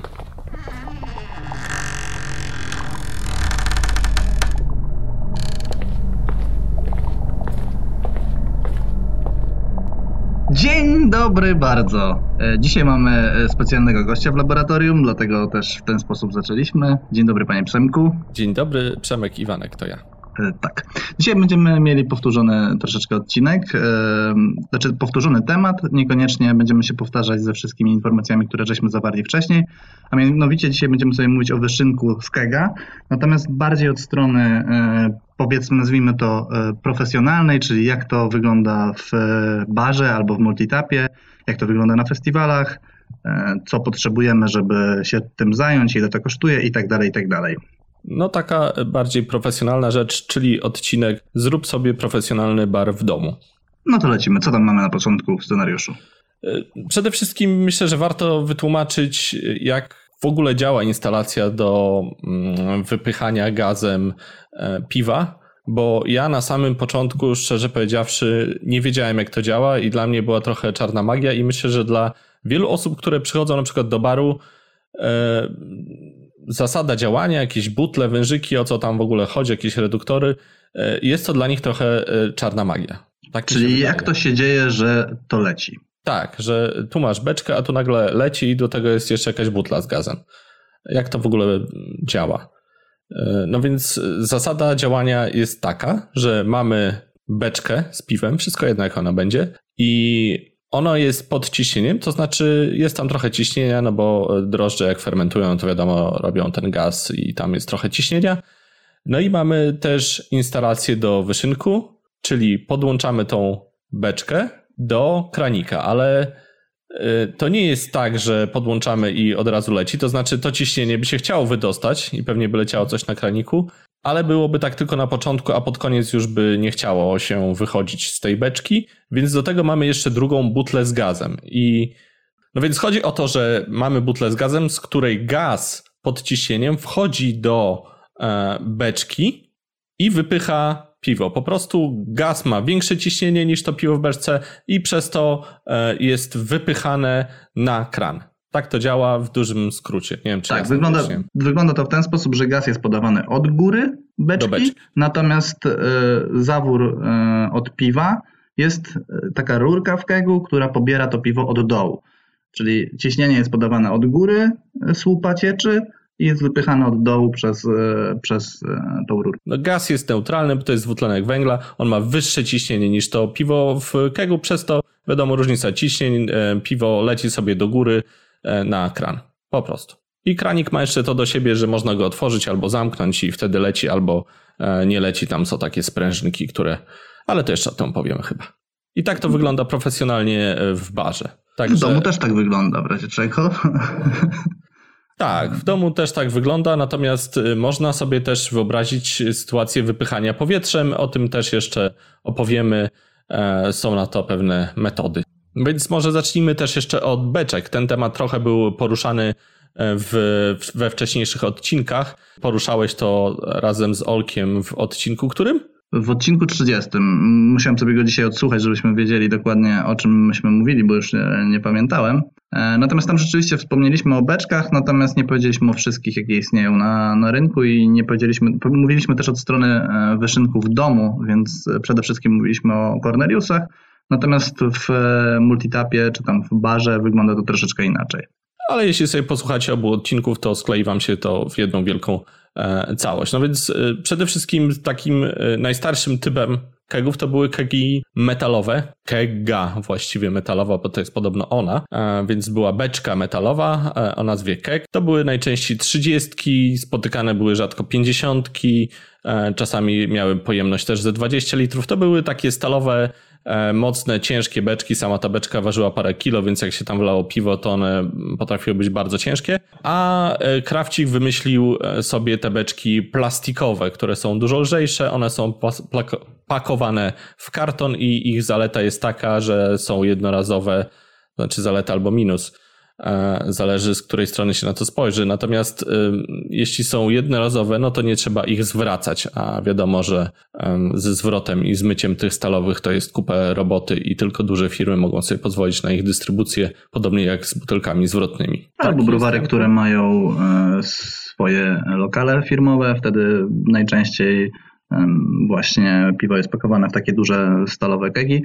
Wspomniałeś, że są 20, 30, 50. Ja się spotkałem też z setkami.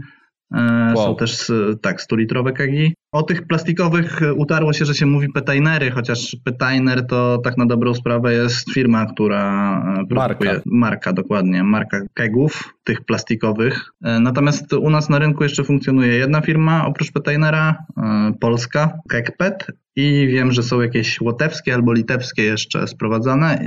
Nie, niewiele browarów z tego korzysta, natomiast wiem, że są i wiem, że podobno są całkiem niezłe. Tak, jak byłem na Braubewiale, to tych firm jest całe mnóstwo produkujących te kegi, bo to jest dość w sumie prosta sprawa. Także firm jest dużo, ale rzeczywiście na polskim rynku funkcjonują te. Jest jeszcze jeden e, rodzaj, troszkę inny, a mianowicie kikek tak zwany. E, może ty o tym opowiesz, Janku, jak to wygląda, bo jest to jeszcze troszkę inna idea.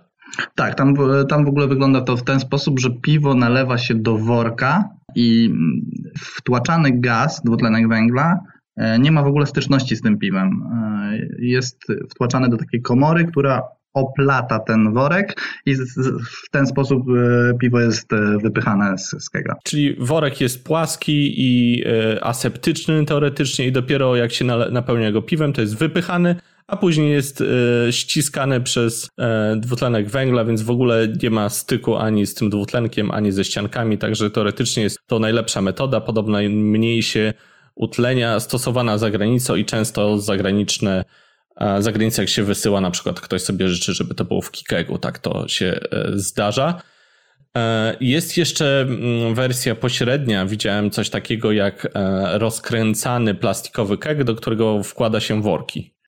Taki nie kikek, ale na płaskiej głowicy, jakaś taka hybryda.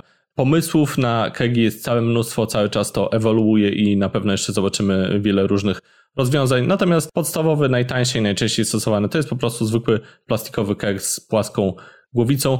Pojemności też są różne. Widziałem 30, 20, 15, 10 i chyba nawet piątki takie malusieńkie, co do tych zwykłych plastikowych. Piątek nie widziałem, ale to, co wa warto też dodać jeszcze zanim przejdziemy do następnego punktu, to że te petainery e, są też używane, nie, znaczy nie są używane tylko i wyłącznie w piwowarstwie. Można tam różnorakie rzeczy nalewać. Można takie, cydr. cydr, tak, ale można też nalewać tam rzeczy, e, na przykład e, jakieś środki chemiczne albo można tam też nalewać rzeczy, które w ogóle nie są pod ciśnieniem ciecz nie jest pod ciśnieniem, bo wypychanie później następuje przez, e, przez podanie ciśnienia, natomiast generalnie wszelakie e, rzeczy tam można nalewać i jest to bardzo często właśnie stosowane przy środkach chemicznych.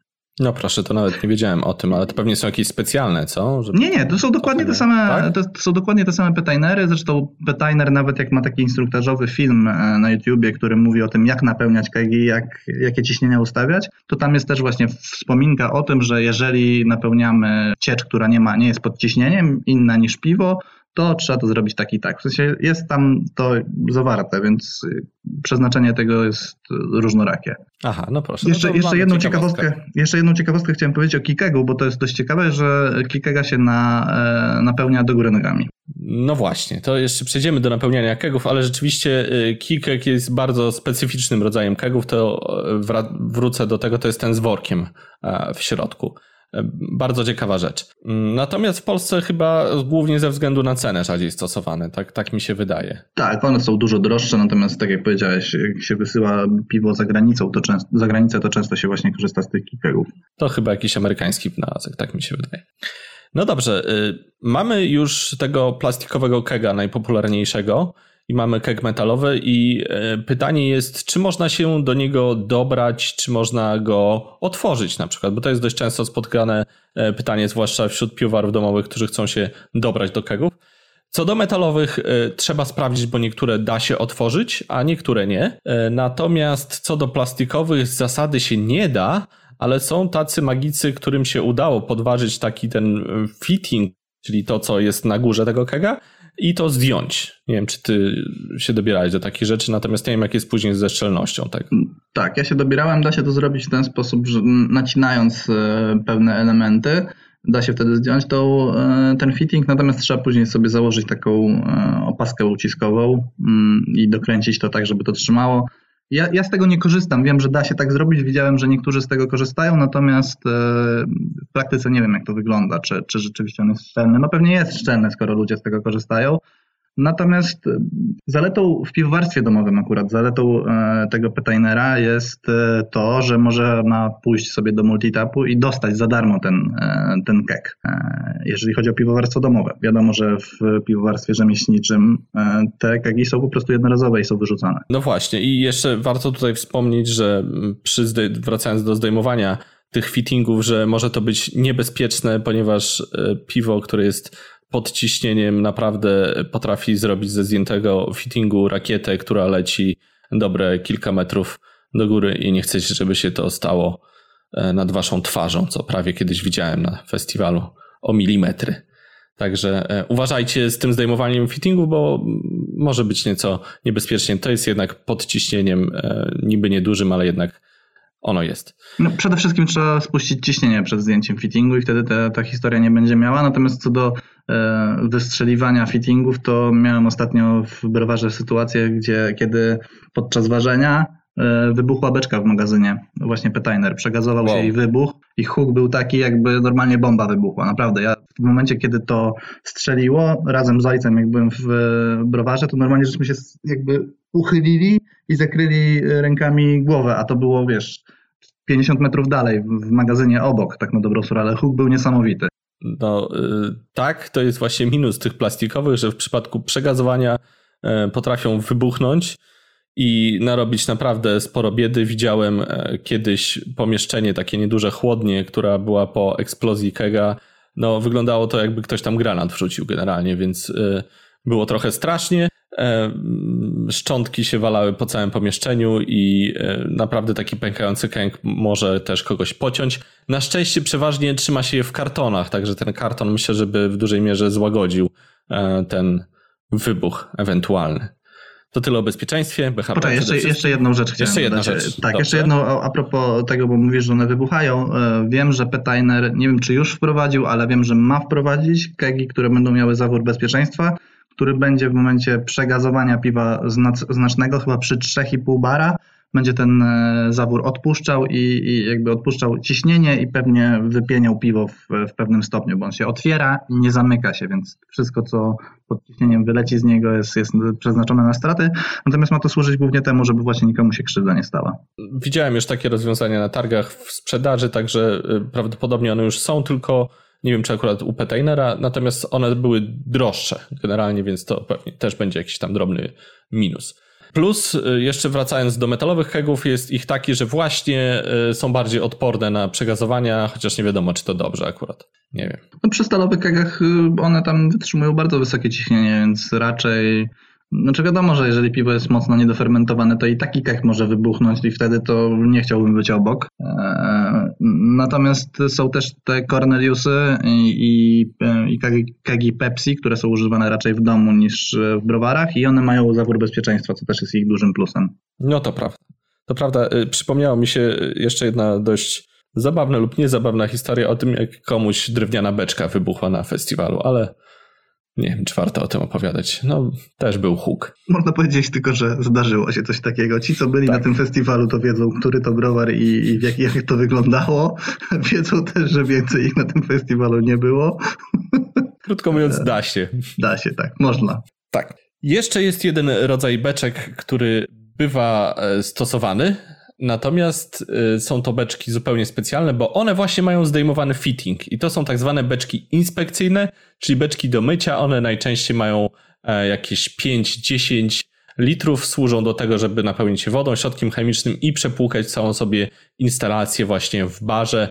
Tam fitting jest po prostu nakręcany na taką plastikową beczkę. Nie wiem, czy ty e, widziałeś taką i czy stosujesz? Taką beczuszkę? Widziałem, nie stosuję, stosuję właśnie Corneliusa, który działa bardzo podobnie do, do czyszczenia instalacji i, i on się dobrze sprawdza. Też ma jakby zdejmowalny górny zawór i można do niego wlać co się chce bez żadnego problemu.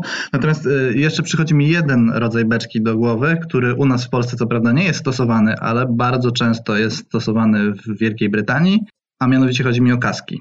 Ja nic nie wiem o nich, powiem szczerze, tylko widziałem. Kaski są refermentowane najczęściej, tam się jakby przelewa dość młode piwo i ono się nagazowuje częściowo w kasku. E, wrzuca się też tam tak zwane, Brytole mówią na to finings, czyli po polsku tak naprawdę to, to jest karuk, który klaruje Rybę to piwo. zdechłą. Dokładnie. Klaruje to, to w tym kasku i one są nie są wypychane pod ciśnieniem, tylko są grawitacyjnie z tego kaska e, zlewane, więc tam nie ma tego dodatkowego e, dwutlenku węgla. Tak, przez pompy najczęściej na barze, plus y, oczywiście coraz częściej stosowane są pompy elektryczne, to znaczy często też w Anglii są stosowane pompki elektryczne, że nie trzeba gibać ręką za mocno, tylko się dotyka i samo leci. Taki drobny ficzurek i one mają z boku chyba ten zaworek, prawda? I leżą na płasko. Tak, leżą na płasko, mają z boku i to piwo dość szybko trzeba wypić, żeby ono się nie utleniło, dlatego że ono się wypełnia tlenem. Dokładnie tak i e, również tak to działa z e, cydrami, więc piwo w Anglii dostajecie ciepłe e, i nienagazowane, bo tak to wygląda prawdziwy angielski ale. Co do jeszcze beczki inspekcyjne, powiem dwa słowa. Otóż te beczki plastikowe po paru latach się zużywają. One mają gwarancję na 2-3 lata i rzeczywiście po jakichś 4-5 latach ona mi zaczęła po prostu przeciekać, gdzieś się zaczęła rozpychać, także rzeczywiście te beczki plastikowe e, również inspekcyjne przeznaczone do chemii po pewnym czasie zaczynają e, się psuć, to też trzeba wziąć pod uwagę, ale to jak wszystko. No dobrze, to przejdźmy w takim razie do napełniania kegów, no bo jest to rzecz istotna. Jak to się dzieje w browarze? Jak profesjonalnie się napełnia kegi? Proszę bardzo, oddaję głos kandydatowi Jankowi. Teoretycznie napełnianie beczki powinno odbywać się przeciwciśnieniowo, czyli e, na zbiorniku mamy pewne ciśnienie. Przyjmijmy dla ułatwienia opowiadania o tym, że na zbiorniku jest półtorej bara nabite. Wygląda to tak w ten sposób, że najpierw beczkę Petainer musimy przedmuchać dwutlenkiem węgla, niektórzy mówią przepłukać, czyli przepuścić przez beczkę. E, Petainer twierdzi, że pięciokrotną objętość e, beczki dwutlenkiem węgla, żeby cały tlen i cały inny gaz, który się znajduje w tej beczce, w tej, w tej, w tej beczce wypchnąć i żeby został tam dwutlenek węgla, żeby piwo, które tam nalejemy się nie, nie utleniło szybko. E, po czym po tym przedmuchu nabijamy beczkę ciśnieniem o 0,3 bara niższym niż mamy w zbiorniku, tak żeby w momencie nalewania tego piwa mm, ono się na początku nalało troszeczkę i w momencie, kiedy ciśnienia się wyrównają, otwieramy zawór, e, upuszcza, zawór, który upuszcza gazu, tak żeby e, ciśnienie w kegu się zmniejszało i co za tym idzie, piwo wlatywało do niego. No właśnie. Nie wiem, czy wytłumaczyłem to zrozumiale. No właśnie, bo tutaj mm, cały, cały, mm, cały ten system trzeba zrozumieć na zasadzie e, ciśnień, różnicy ciśnień. To jest instalacja ciśnieniowa do wyszynku piwa, mówiąc już tak ogólnie, i cały czas tam posługujemy się ciśnieniem, czyli jeśli gdzieś jest ciśnienie wyższe, to ono chce wychodzić, a jeśli jest niższe, to chce wchodzić i cały czas tym manewrujemy w różny sposób po to, żeby wypchnąć, wepchnąć coś. To powinienem powiedzieć chyba na samym początku. No Czyli dobrze. zasada jest prosta w kegu, do którego nalewamy, musi być niższe ciśnienie, żeby piwo wleciało. No, tak, tak, żeby wyszło, bo, bo wtedy piwo będzie miało wyższe i będzie chciało wyjść. E, no więc jak to może wyglądać w domu? O tym też już wspominałeś w 30 odcinku, ale jeszcze może przypomnijmy, jak w domu można by było napełnić sobie takiego petainera. Petainera trzeba napełnić grawitacyjnie, tak na dobrą sprawę. Jeżeli zdawamy to ze zwykłego plastikowego e, fermentora, a w 99% tak to będzie e, robione, to po prostu stawiamy taki, taki fermentor wyżej niż kek, podłączamy ten kranik, z którego będziemy to nalewać do głowicy i po prostu zlewamy do, e, do kega grawitacyjnie. Czyli bez zabawiania się w ciśnienia, E, bo nie mamy ciśnienia po prostu w naszym fermentorze. Tak, co prawda warto też, e, tak samo jak w przypadku e, nalewania w browarze, przedmuchać ten kek dwutlenkiem węgla, żeby nie było tam żadnego tlenu, wtedy piwo będzie trwalsze. No dobra, ale cofnijmy się jeszcze o etap, no bo mówisz, że dostałeś na przykład kega używanego z baru, tak? Takiego petainera plastikowego, no i co z nim zrobić? No wypadałoby go jeszcze wcześniej przepłukać chyba. Da radę to zrobić? Zdecydowanie trzeba go umyć i trzeba go zdezynfekować. Ale jak to zrobić, jak on jest zamknięty? Czy zdejmować ten film? Czy... Wiesz co, najłatwiej y, będzie obejrzeć film, który nagrałem e, już pewnie ze dwa lata temu na, na kanale naszym YouTube'owym i tam jest dokładnie pokazane co, jak, gdzie otworzyć, więc y, głównie odsyłam do tamtego filmiku, natomiast żeby go umyć nie zdejmując fittingu, trzeba podpiąć głowicę i przez, przez zawór od piwa nalać tam wody najpierw, zabełtać, zabełtać, odwrócić keg do góry nogami, otworzyć zawór gazowy, wy, wylać wszystko, co mm, jest w kegu przez zawór gazowy, który jest na górze przy fittingu, więc dlatego trzeba go odwrócić do góry nogami, po czym nalewamy środek dezynfek de dezynfekujący, trząsamy nim, żeby pojawił się na wszystkich ściankach i robimy dokładnie to samo, czyli odwracamy go do góry nogami, wypuszczamy środek dezynfekujący i wtedy możemy przedmuchać keg i napełnić go do, do pełna. Także lepiej sobie obejrzeć filmik, na pewno będzie to łatwiej zrozumieć, co, co śmieszne w ogóle zapomnieliśmy o tych filmikach i o tym, to, co było mówione jakiś czas temu, także dlatego właśnie Janek musiał sobie e, przypomnieć. E, odsyłamy do filmiku, jak się e, uda. Ja też spróbuję jeszcze drobny filmik co do tej instalacji, taki szybciutki nagrać, który być może jeszcze coś dodatkowo e, objaśni. Więc w browarze napełniamy ciśnieniowo, w domu raczej e, bez ciśnienia i za pomocą głowicy. O tym zaraz jeszcze powiemy, co to jest e, głowica. Przejdźmy może jeszcze do tematu, jak później, no bo skoro już napełniliśmy ten kajak, jak później wyjąć to piwo z tego kega e, w warunkach domowych. Mówiliście już o Corneliusach. Wiadomo, jak to zrobić z Corneliusem, a jak zrobić to z kegiem tym e, standardowym petainerem, czy być może metalowym jakimś takim. Jak to zrobić, żeby to wyszło? Generalnie przy każdym kegu zasada jest dokładnie ta sama. Trzeba mieć jak, jakąś głowicę. Przy e, domowych Corneliusach, które są często stosowane, to są tak zwane ballocki, czyli to są tak na dobrą sprawę to są szybko złączki, a nie głowice, ale możemy je nazwać głowicami. Tak w przypadku kegów to są takie głowice mm, większe, mm, które zapina się jakby w jeden zawór, tak na dobrą sprawę, w ten fitting.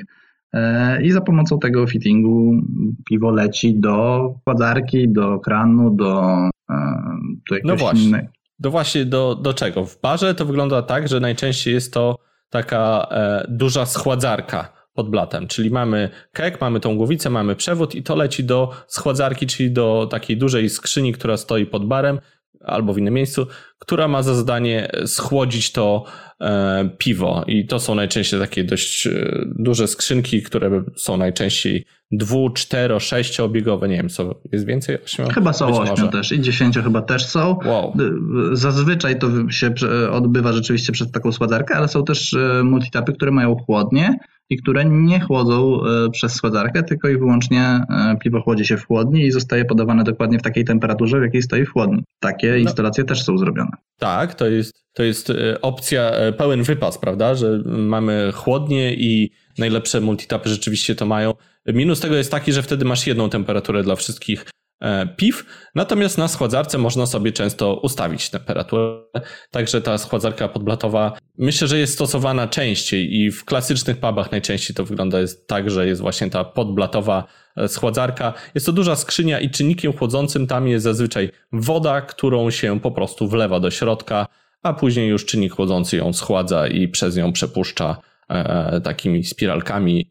To piwo i ono się schładza i później sobie idzie dalej, czyli najczęściej na e, tak zwaną kolumnę. Kolumna to jest to, co wystaje z baru i na niej jest zamontowany kranik i go się otwiera i piwo leci, tak? Dobrze mówię? Dobrze mówisz. Kran ma e, najczęściej dwa zawory. Jeden zawór to jest po prostu jak go pociągniemy do siebie, to wtedy piwo leci. Jak jest w pozycji pionowej, to nie leci. Jak go przyciśniemy od siebie e, do, do, do, w stronę klienta, to wtedy on ma tak, tak zwany spieniacz. Chyba wszystkie krany to mają. Tak mi się przynajmniej wydaje. A oprócz tego ma drugi zawór, to się nazywa kompensator, którym ustawiamy siłę przepływu tak naprawdę. Możemy go ustawić na minimum, wtedy piwo tak delikatnie ciurka, możemy go odkręcić na maksa, wtedy piwo będzie leciało dużo, dużo szybciej. To ma duże znaczenie przy, przy laniu, dlatego że jeżeli piwo jest mocniej nagazowane albo mniej schłodzone, to wtedy trzeba je nalewać wolniej i wtedy ono się mniej pieni i można, można je nalać całe wypełniając szklankę i, i, zaserwować to. Natomiast piwa, które są niżej nagazowane albo kwasy, które, które się nie wypieniają często, E, cydry. Wtedy można lać cydry, można lać na maksa szybciutko i wtedy wiem, że, że e, multitapy i w ogóle bary e, pożądają piwa, które jest nisko nagazowane, żeby się łatwo lało. Tak, w ogóle o tym jak się pieni i dlaczego się pieni przede wszystkim, to można by napisać książkę i nie będziemy dzisiaj tego tematu poruszać, bo byśmy mogli godzinę gadać na temat tego, dlaczego się piwo pieni w barze to e, temat rzeka, ale jednym z głównych powodów jest właśnie nagazowanie, e, również e, na przykład piwa pszeniczne się bardziej pienią, ale dodatkowo przyczyn może być mnóstwo. Myślę, że najistotniejszą dla nas to może być przyczyna taka, że jest na przykład jakaś nieszczelność w instalacji, co powoduje mocne pienienie się, więc można sobie sprawdzić. Tak, myślę, że nie rozwijając tematu można wspomnieć o tym, co może powodować, nie, jakby nie, nie, nie, nie zagłębiając się w to. Na pewno temperatura piwa ma mhm. znaczenie. Im niższa temperatura, tym, tym piwo się będzie, będzie łatwiej lało,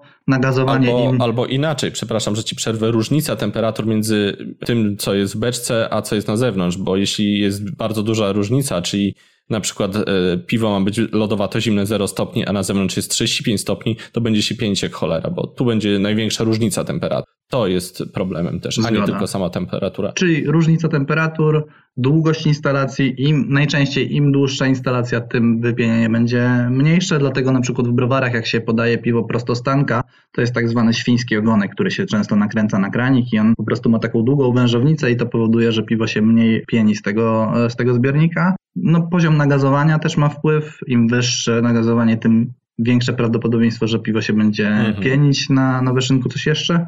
E, no tak jak mówiłem, nieszczelności na pewno e, plus regulacja tego ciśnienia, kiedy czy powinno być większe, czy mniejsze. Czasem większe ciśnienie powoduje, że się mniej pieni, czasem mniejsze.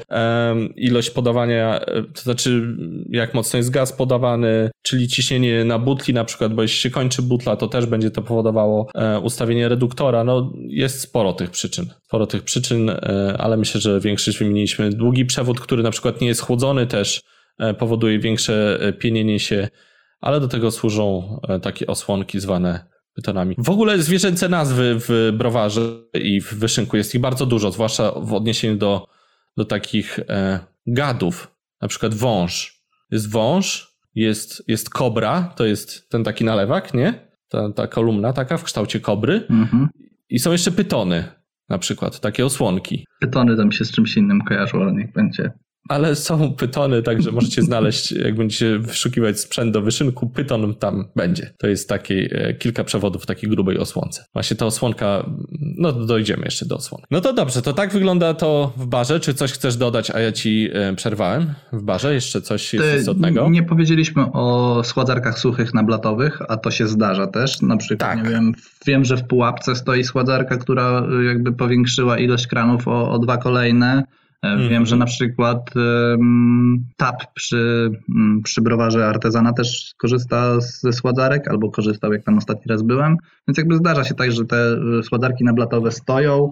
Raczej nie jest to, nie są to główne krany, raczej ktoś robi tak, że matą na przykład, matą schładzarkę, bo nie wiem, bo wystawia się na festiwalach i wtedy dostawia jako dodatkowe krany najczęściej. E, natomiast no, no można też i, i, to działa na takiej zasadzie, że piwo jest przepuszczane przez taką bardzo długą wężownicę, która jest w środku i jest chłodzona na zasadzie wymienności ciepła. Znaczy zimne. No tak, e, więc te podblatowe to są te montowane na stałe, natomiast te nablatowe to są takie przenośne skrzyneczki, które bardzo często używane są na festiwale, bo są po prostu przenośne. E, nie trzeba całej tej instalacji wypruwać, tylko się po prostu ją przenosi. Zanim były nablatowe schładzarki modne, to były przez długi czas modne rollbary. One dalej e, często występują. To jest e, taka e, mała instalacja barowa na kółkach, czyli też jest ta podblatowa schładzarka i na górze ta blat i kobra, tak? Kobra z kranikami, czyli ta kolumna. Minusem tego jest Gabaryt jest minusem na pewno, tak. a plusem tak. jest to, że jest na kółkach, jest mobilne, jest jakby całość jest złożona już przy przewożeniu, tak? Wyjeżdżamy tym i właściwie podpinamy piwo, jesteśmy gotowi do serwowania piwa, co nie zawsze jest e, takie oczywiste przy innych instalacjach, nie? Dokładnie. Dodatkowo nablatowe, czyli te małe skrzyneczki przenośne, mogą mieć jeszcze jeden plusik, taki ficzurek, który e, nazywa się e, sprężarka. Sprężarka czyli umożliwia to nam pozbycie się butli z gazem CO2. Czyli są takie nablatówki, do których nie musicie mieć butli gazowej, wystarczy Wam ta zamontowana sprężarka i możecie wypychać po prostu powietrzem atmosferycznym. Minus jest tego taki, że trzeba to zużyć od razu, bo się po prostu natleni ten kek. Ale to jest taka szybsza i prostsza opcja. Ja, ja mam dygresję pączkującą a propos słowa feature. Proszę. E, feature, słowo feature to jest ulubione słowo mojej mamy, która e, pracuje w, w korporacji od bardzo, bardzo długiego czasu. E, I nie wiem, czy wiesz, Przemku, jaki jest według mojej mamy podstawowy feature w samochodzie? Strzelaj. Nie wiem, klima? No nie, no bądźmy poważni. No podstawowy. Klima jest we wszystkich, e, we wszystkich samochodach. O, Podstawowy feature według mojej mamy to są podgrzewane fotele. O, tak, ja się zgadzam. E, popieram twoją mamę w 100%. E, nie ma nic gorszego niż wsiadanie w zimie do lodowatego samochodu. Zwłaszcza jak masz jeszcze skórzaną tapickę i się przykleisz taki. Mm. No widzisz. A wiesz, co jest jeszcze lepszym featurem? To ci sprzedaj swojej mamie. Podgrzewana kierownica. Wow, to takich rzeczy to jeszcze nie miałem. Rzadko spotykane, okazji. wyższe modele, ale tak jest. Są takie rzeczy na świecie. Ręce się pocą wtedy. Ale to tylko w zimę, no, jak wsiadasz do zimnego. Dobra, e, lecimy dalej. Dobrze, powiedzieliśmy o wypychaniu powietrzem i tutaj już schodząc troszkę w dół do coraz mniej skomplikowanych instalacji, jeśli chcecie e, wypchać też powietrzem z beczki, z kega, to jest jeszcze prostszy sposób i tańszy, a mianowicie pompki. Nie wiem, czy ty znasz takie pompki do e, nalewania piwa z beczki. Wiesz co, nigdy się z tym nie spotkałem. Znaczy wiem, że coś takiego istnieje, wiem jak to wygląda, natomiast nigdy nie miałem styczności z czymś takim. Natomiast jak strzelam, że to wygląda, znaczy, że to działa na tej samej zasadzie jak takie pompki przy sokach malinowych w multitapach, jak dodają do piwa.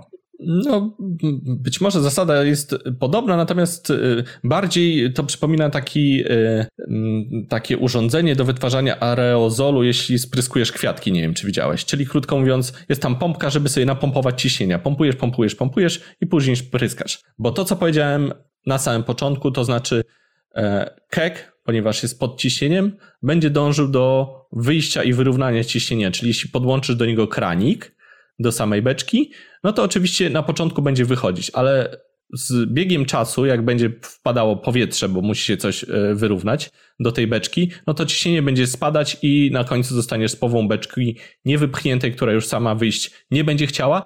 A tutaj jak masz pompkę, to bierzesz sobie ciach, ciach, ciach, ciach, ciach, tą pompeczką ręcznie, dopompowujesz i znowu leci. Taki sprytny e, feature? Feature. Niech będzie. Feature. Feature feature. Można powiedzieć, że ten odcinek jest o podstawowych zasadach fizyki, tak na dobrą sprawę. No tak, no tak. Więc y, takie pompeczki możecie dostać również. Y, one kosztują, nie wiem, bezsensownie dużo, jeśli chodzi o wypychanie piwa z beczki, ale da się, ale się da. No dobrze, ale jednak większość instalacji, a mieliśmy mówić o poważnych instalacjach o robieniu baru w domu, działa właśnie na gaz tak? No więc przejdźmy do punktu gaz. Czym wypychać? E, powiedzieliśmy, że możemy tlenem atmosferycznym, ale wtedy nam się oczywiście piwo utleni i trzeba zużyć beczkę od razu. Natomiast jeśli chcemy używać beczki przez kilka dni, tak jak dzieje się to w większości barów, to używa się zazwyczaj czego, Janku? Chyba, że na kranie jest piwo browaru Monster, wtedy ono schodzi błyskawicznie z kranu. Wtedy można sobie wypychać czym się chce, bo ono i tak zejdzie. To, to się wytnie. Piwo można wypychać, e, znaczy są dwie najbardziej popularne e, metody. Jedna to, są, e, to jest dwutlenek węgla, a druga to jest mieszanka dwutlenku węgla z azotem. To są najbardziej popularne metody. Zwana mieszanką. Zwana mieszanką, tak. I te dwie Dwa, dwie metody mają swoje zastosowanie w odpowiednich momentach. W momencie, kiedy tak jak żeśmy wspomnieli, w niektórych multitapach jest chłodnia, to gdybyśmy podali dwutlenek węgla, mm, gdybyśmy wypychali dwutlenkiem węgla, to wtedy piwo nagazowywałoby się w trakcie wyszynku, bo dwutlenek węgla rozpuszcza się w niskich temperaturach i po prostu piwo po 10 dniach byłoby na pewno bardziej nagazowane niż e, jest, było nagazowane w momencie przywiezienia beczki. Więc najczęściej multitapy, które mają mają instalację zrobioną tak, że mają chłodnie, korzystają z mieszanki, dlatego że w mieszance jest, i teraz popraw mnie, 70% E, azotu czy 70% dwutlenku węgla. Oj, to przepraszam, ale się nie przygotowałem w tym momencie, bo nie wiem jaki jest skład mieszanki. Na pewno jest jedno z drugim, także azot z dwutlenkiem węgla. Wydaje mi się, że jest więcej azotu, na, na 100% nie jestem tego pewien, natomiast to powoduje, że ten dwutlenek węgla, którego jest tam mniej, nie rozpuszcza się w tej temperaturze, bo azot ma dużo, e, dużo mniejszą rozpuszczalność w takiej temperaturze 10 e, czy tam 4 stopni, jakie są w chłodni. Bo może się zdarzy, że dostaniecie 60-dniowego Risa Fest nagazowanego na beczki, na przykład w multitapie. Choć to się rzadko zdarza oczywiście, prawda? Tak. Bo stosują mieszankę. Ale powiedziałeś też o azocie i e, wiadomo, e, sprawa z Guinnessem, wiadomo, że tam w puszkach są te e, kuleczki, ale są też instalacje do azotu całe. Czy one się jakoś bardzo mocno różnią? Co to daje? Co daje azot? Dlaczego tak? Opowiedz wszystko o azocie. Proszę. No, ale żeś mnie wtrynił. Ja nie, niewiele wiem o azocie. E, to znaczy wiem, że azot powoduje e, taki lawinowy, e, lawinowy efekt przy nalewaniu, bo jest kaskadowy. Dużo, kaskadowy. Dużo szybciej ucieka do atmosfery, dlatego powoduje ten, ten efekt. Piwo nie jest wysycone tak na dobrą sprawę, bo cały ten azot ucieka do atmosfery e, w momencie nalewania, ale jak wygląda nagazowywanie azotem, to szczerze mówiąc nie wiem, dlatego że on się nie rozpuszcza w niskich temperaturach, a przynajmniej nie tak szybko jak, jak dwutlenek węgla, więc ja nie wiem jak to się robi. Musisz ty o tym opowiedzieć. Samego nagazowywania w browarze znam dość pobieżnie, proces nigdy go nie stosowałem, wiem e, tylko, że trzeba tam nieco większego ciśnienia, a wszystko to dlatego, że azot ma dużo, e, dużo słabiej się rozpuszcza e, w płynach i to e, rzędu kilkaset razy słabiej podobno niż, niż dwutlenek węgla. Zaraz mnie ktoś poprawi, jeśli się mylę na pewno w komentarzach. Tu wchodzimy już oczywiście w fizykę gazów, bardzo ciekawa sprawa. E, generalnie. Brakuje nam Oleczka w tej chwili. Oleczek tak, by wiedział takie rzeczy. No. no. on, nas, on nas wyjaśni w komentarzach, nas tam pojedzie e, za te głupoty, co tu gadamy. E, generalnie trzeba dużo więcej ciśnienia, dużo więcej czasu i azot dużo słabiej się rozpuści, dużo szybciej będzie chciał uciekać z tego piwa. Natomiast tak, da się to zrobić. Trudniej jest w butelkach, ale przy instalacji wyszynkowej można to zrobić. Można nagazować kega azotem i można też wypychać azotem. E, co ciekawe, podobno należałoby używać nieco innych wartości um, ciśnienia gazu i są też specjalne kraniki, na przykład można dostać do wypychania azotem i Guinness też specjalne instalował. E, podobno również do różnych gazów należałoby używać różnych reduktorów. Natomiast ja ekspertem tutaj nie jestem i o tym się nie będę wypowiadać. Jak zgłębimy temat, to kiedyś zrobisz odcinek o azocie, jak już dojdziesz do azotu. Okej, okay, powiem, mogę powiedzieć o tych kranach, bo korzystałem z nich. E, to są krany, które na końcu, te krany nie mają kompensatorów. Tam albo się leje na maksa, albo się nie leje w ogóle. Nie ma, nie ma pośrednich żadnych e, wartości i polega to na tym, że na końcu kranu jest takie sitko, najłatwiej mówiąc, z bardzo, bardzo wąskimi dyszami i piwo trzeba podać, podać pod bardzo wysokim ciśnieniem, e, dlatego stosuje się do wyszynku e, z tych kranów właśnie azot, dlatego że azotu się podaje się wyższe ciśnienie azotu i wtedy mamy dokładnie ten sam efekt, który mamy w przypadku nalewania z puszki Guinnessa, czyli też mamy taką kaskadową e, konstrukcję e, piwa. I pięknie to wygląda. Oczywiście nikomu to do niczego nie jest potrzebne, ale można się rozpływać. Później jaki to stout ma e, taki e, wspaniały, rozpływający się w ustach kremowy posmak. Ładnie? Bardzo ładnie, bardzo ładnie. Jeszcze przyszło mi do głowy, bo nie powiedzieliśmy, znaczy powiedzieliśmy, że są pompy, ale są też takie angielskie pompy, które dokładnie działają na tym samym, na, tym, na tej samej zasadzie co, e, co te krany, czyli też mają na końcu bardzo, bardzo wąską, wąskie dysze to się nawet jakoś nazywa ten, ten dziubek, który się nakręca, bo wiem, że one mają różne grubości tych dysz. Mhm. Nie pamiętam, jak to się nazywa. Natomiast miałem pompę na ostatnim festiwalu w Warszawie i rzeczywiście działa to fantastycznie. Piwo się robi takie super, super e, kremowe, gładziutkie, takie no kremowe po prostu. E, I, no i wygląda to, to bardzo fajnie. Wiem, że jak nalewałem z tej pompy i ktoś, nie wiem, odchodził na przykład do kasy płacić i nie patrzył na to, to zwracałem na to uwagę klientom, że najważniejszą rzeczą mijają ten, ten efekt lawinowy, który się... Patrz, patrz, jaka fajna pompa. Dokładnie A, tak okay. robiłem, dokładnie tak robiłem. E, pompy to jest bardzo fajna rzecz. Ja w ogóle bardzo lubię te angielskie tradycje i też mam e, pompę. Mam nadzieję, że uda się użyć e, do cydru. Zresztą już takie eksperymenty robiliśmy. Da się, działa to bardzo fajnie. W ogóle Anglicy mają dużo fajnych rzeczy. Tak, więc te pompki. Przed królową bardzo potrzebna i użyteczna rzecz. Szkoda, że w Polsce nie ma.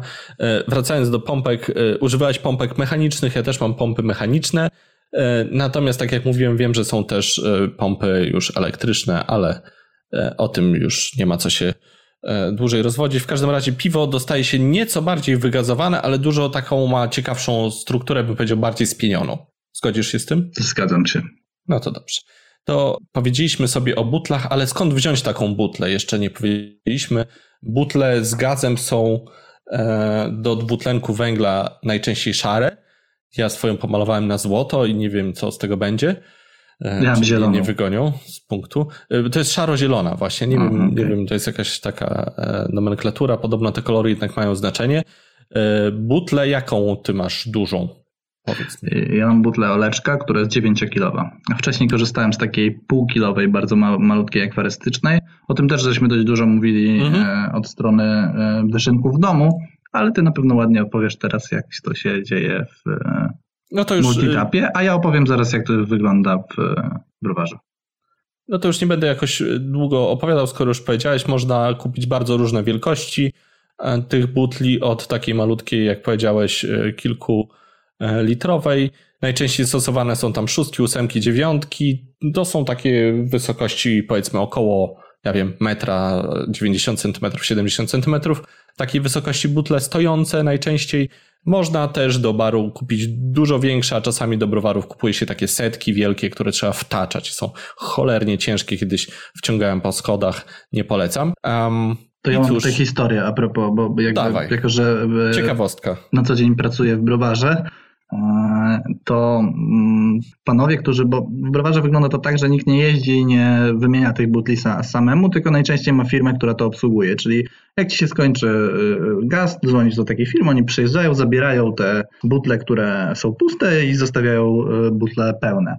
Ci panowie, którzy przyjeżdżają, te butle, które są ogromne, one ważą naprawdę, nie mam pojęcia ile, ale są mega ciężkie, je się roluje, jak się przestawia je z miejsca na miejsce w browarze, to się je toczy tak. A oni obserwując w ogóle to, jak oni zrzucają to z samochodu i wkładają te, te puste na samochód, to jest po prostu artyzm. Naprawdę, oni są w stanie to podnieść, bez żadnego problemu podnoszą, wystawiają na rampę, przekładają te, te, naprawdę wygląda to niesamowicie. Ja jak próbowałem to zrobić tak jak oni, to nie jestem w stanie tego podnieść. Te butle ważą jakieś 80-100 kilo, także no. mniej więcej. I oni Może... to robią sami, w sensie są w stanie ją w jakiś sposób podnieść. Ta technika podnoszenia jest charakterystyczna po prostu. Ja nie potrafię tego zrobić. Tak, ale wspomniałeś o ważnej rzeczy, że butle można mieć na dowóz i często w knajpach też tak jest, więc jeśli też będziecie chcieli robić własny bar, to po prostu są firmy, które zajmują się dowożeniem. Warto mieć wtedy na zapas dwie. Jedna się kończy, druga się zaczyna i e, dzwoni się do firmy, oni przyjeżdżają, dość szybko wymieniają. Gaz nie jest bardzo drogi taka butla, powiedzmy ta ósemka, dziewiątka kosztuje, nie wiem, 70 zł, 50 zł, 30 zł, nie pamiętam. Wiem, że na, napełnienie 9-kilówki to jest 26 zł. Nie, nie pamiętam, no ile właśnie. kosztuje tej dużej, ale nie, dwutlenek węgla rzeczywiście nie jest e, drogi. Co więcej, nie trzeba kupować tej butli. Te firmy, które dowożą, mogą ci taką butlę wynająć za kaucją. Jak będziesz chciał się jej pozbyć, to oni ci tą kaucję oddadzą. Także nie ma z tym problemu. Kaucja jest, nie wiem, 100-200 zł. Płaci się wtedy za dzierżawę tej e, butli i za, taki, za, za dzierżawę takiej dużej butli płaci się około 60 groszy netto za dzień. To wiem, bo no ostatnio właśnie. widziałem fakturę. No właśnie, no ale można sobie... Czyli to nie jest dużo, no bo to masz mhm. 30 dni, to jest kwestia tam 20 zł miesięcznie za, dzierżawę butli takiej ogromnej, która kosztuje dość duże pieniądze. Po prostu się nie opłaca tego kupować.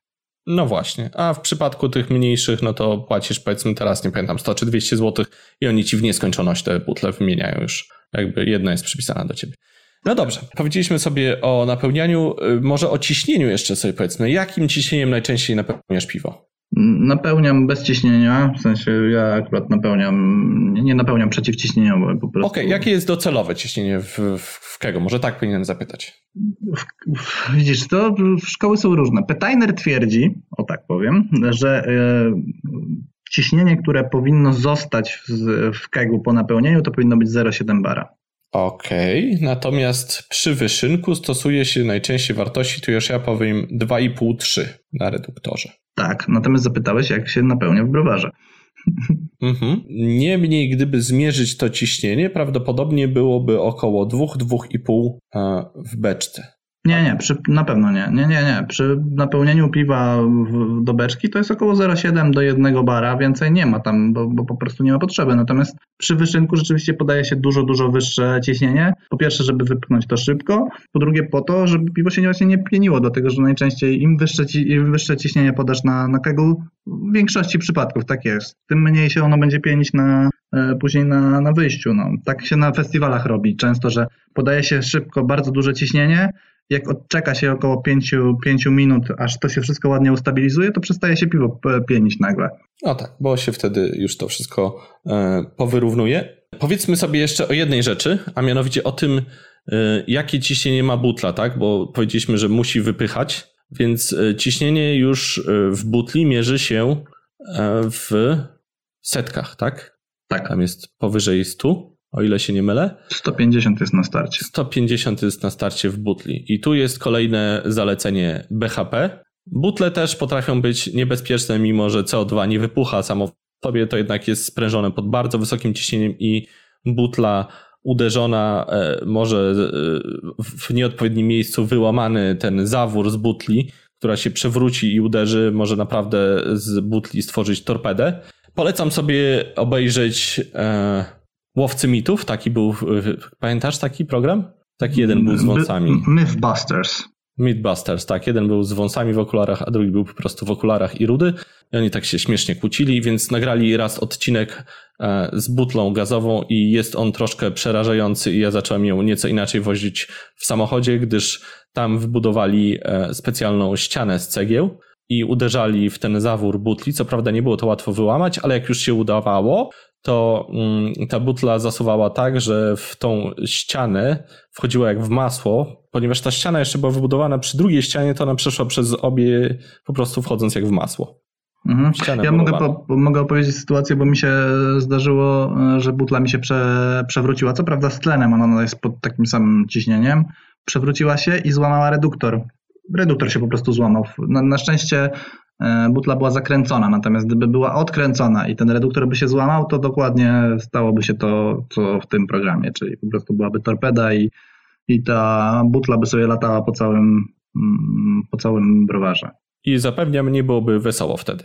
No nie, od tamtej pory mamy zamontowane takie łańcuchy do ściany i butla jest przypinana, żeby właśnie nie było szansy, że ona się przewróci. Jak na dzikie zwierzę przystało, także uważajcie na butle, e, BHP przede wszystkim. Nie musicie zakładać kasku, ale nie woźcie na przykład luzem w samochodzie, co mi się zdarzało i teraz po obejrzeniu tego programu, przyznaję, była to jednak głupota, warto zabezpieczać. Te butle są takie kapturki specjalne e, metalowe do wożenia na przykład, nie bez przyczyny. A przy, zapinasz pasy butli? Nie, ale zdarzało mi się raz wieść kega i jemu zapiąłem pas. Ja, ja na przykład właśnie zapinam zawsze keg z przodu e, na przednim siedzeniu i jak butle wożę, to też wożę na przednim siedzeniu i też ją zapinam pasami. A włączasz mu radio i ko, czy? Włączam. Antyradio najczęściej. No to już wiecie, czego słucha. Mo, moja lubi rockową muzykę. E, wspaniale. No to dobrze, wiemy już wszystko co i jak. Przejdźmy zatem e, do omówienia po kolei tych części. Czyli na początek e, mamy schładzarkę. Schładzarkę podblatową w przypadku barów lub chłodnie lub schładzareczkę nablatową, części używaną właśnie na wyjazdy. Te schładzareczki nablatowe mogą być suche albo mokre, e, czyli mokre to są takie, do których się wlewa wodę na miejscu, a później się wylewa. E, jest tym więcej zabawy, ale one mają taki plus, że są dużo lżejsze, ponieważ te mokre, czyli do których trzeba wlać wodę, te nablatówki, e, są zdecydowanie lżejsze od tych nablatowych zamkniętych takich z czynnikiem chłodzącym, które ważą około 35 kg i trzeba się ich natachać trochę. Taki jest ich plus. Więc skoro mamy już e, schładzarkę, warto też sobie popatrzeć na schładzarki, jeśli będziecie chcieli kupić e, pod względem ilości kranów, czy, czy potrzebujecie jednego czy dwóch kranów. W przypadku schładzarki podblatowej, tak jak mówiliśmy, od 2 do 80, być może nawet pytanie, co wam trzeba. Czy schładzareczkę nablatową chcecie e, z tym kompresorem, żeby wypychać powietrzem, czy nie? Ja mam bez i sądzę, że mi do niczego nie jest to potrzebne. Masz jakieś refleksje tutaj jeszcze co do schładzarek, Janku? Nie mam. U mnie też jest schładzarka bez y, kompresora. Sprężarki, no tak. sprężarki, kompresora. Ja też uważam, że mi akurat to jest niepotrzebne, ale może komuś tak. Firmy najpopularniejsza to jest Lindr czeski, który w ogóle chyba jest najpopularniejszy, jeśli chodzi o dostawę sprzętu do wyszynku również karników innych, gratów, węży i tak dalej, i tak. Ja na przykład mam opremę słoweńską i też sprawuje się już dobre, nie wiem, 5-6 lat i e, działa bez zarzutu, nic się nie psuło, więc jest okej, okay, jest. Okay. Ja Wiem, że korzystałem są. z tych e, twoich sładzarek i muszę powiedzieć, że mi się ciężej z nimi pracowało niż z Lindrem. Nie pamiętam już dokładnie, co gorzej działało. Chyba, chyba to chłodzenie e, było ciężej ustawić niż w, niż w Lindrze, z tego co pamiętam. Więc jakby mi osobiście ten Lindr bardziej przypadł do gustu. E, Lindr na pewno ma też szerszy wybór, jest ich więcej. Oni są jakieś fancy w kształcie beczki, prawie że drewniane i tak dalej. Jest ich bardzo e, dużo rodzajów. Lintr naprawdę się stara. Nie powiedzieliśmy o tym, że w schładzarkach jest właśnie regulacja temperatury, także można sobie wyregulować ją pod kątem e, temperatury. E, czynnik chłodzący, powiedzieliśmy woda albo ten zamknięty w środku w nablatowych, no i one są podłączane do prądu, także żrą jeszcze e, prąd. Prąd. Czy dużo? Chyba dużo, bo pewnie trzeba to schłodzić, więc one raczej mają konsumpcję sporą. W schładzarkach mamy też kraniki, to jest kolejny punkcik. E, kranik w mm, schładzarkach nablatowych jest wkręcony, zamontowany, ale można go sobie odkręcić, a o czym jeszcze opowiem za chwilę. Natomiast jeśli macie tą podblatową na barze, no to musicie zaopatrzyć się również w kolumnę. Kolumny często są schładzane. Po co są schładzane kolumny, Janku? Może powiesz? Żeby się nie rosiły. Żeby się nie rosiły, ale też po to, żeby się nie, nie pieniło mocniej piwo, żeby nie było różnicy temperatur, żeby się nie nagrzewało przez ten czas, kiedy dojdzie do do kranika, bo ze schładzarki czasami idzie parę metrów jeszcze na ten kranik, więc e, dobrze sobie to schłodzić. Też są właśnie dlatego stosowane takie te nazwijmy to peszle, osłonki do przewodów, pytony, jak niektórzy lubią mówić, e, właśnie po to, żeby nie tracić tej temperatury. Warto o tym pomyśleć, przynajmniej na tych przewodach, które będą do, do wyszynku. W kranikach nie ma wielkiej filozofii. Janek powiedział już o, o tych kranach do e, azotu, do, do standardowej instalacji na CO2. Tak jak powiedział, zazwyczaj jest wajcha, którą się otwiera, ten kranik i leci, a z boku taka drobna regulacja do mocy, czy ma być mocniej, czy słabiej to lecieć. I tyle z tej filozofii kranika. Głowice? O głowicach już rozmawialiście chyba z Oleczkiem, prawda? Tak, sporo mówiliśmy o głowicy, o konstrukcji, o smoczkach, o, kuleczkach, o pływaczkach i tak dalej. No właśnie, no więc y, powiedzmy sobie y, bardzo w skrócie, że głowice są dostosowane do fittingów. Najczęściej w Polsce jest stosowany fitting płaski A, flash A i taką głowicę by sobie należało y, dokupić. Te fittingi są różne na kegach, ale tak jak powiedziałem, 90% rzemiosła stosuje właśnie tego typu. E, Kikek ma osobne głowice, więc do Kikeka trzeba osobną głowicę. Do czeskich piw trzeba osobną głowicę. W ogóle rodzajów tych głowic jest co najmniej kilka. Są jakieś te S wkręcane, a, jakieś... A, a do Tyskiego? Do ty, Tyskie też ma swoje, e, Żywiec ma swoje.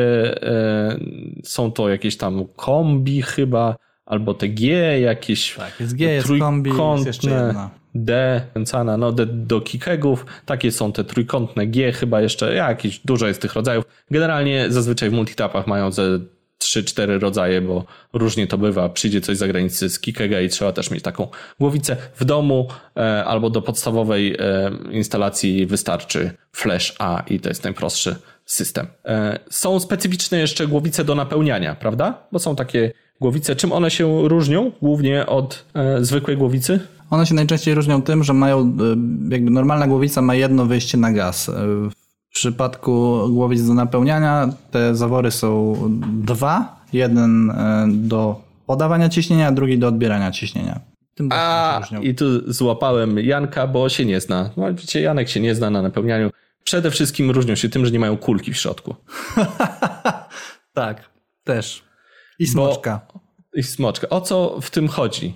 Chodzi o to, że głowica zwykła do wypychania ma taką kuleczkę. Kuleczka e, działa na zasadzie grawitacji, czyli e, można tylko w jedną stronę wypychać. Czyli jeśli piwo wychodzi, to wychodzi, ale później już nie wraca do tej beczki. Po to służy ta kuleczka. Natomiast głowica do napełniania e, nie ma tej kuleczki, czyli można w obie strony ładować w tą czy w tamtą tą głowicą i napełniać i wylewać i jak się chce. No i oczywiście, tak jak powiedział Janek, nie ma również tak zwanego smoczka, czyli również jednostronnej blokady do gazu.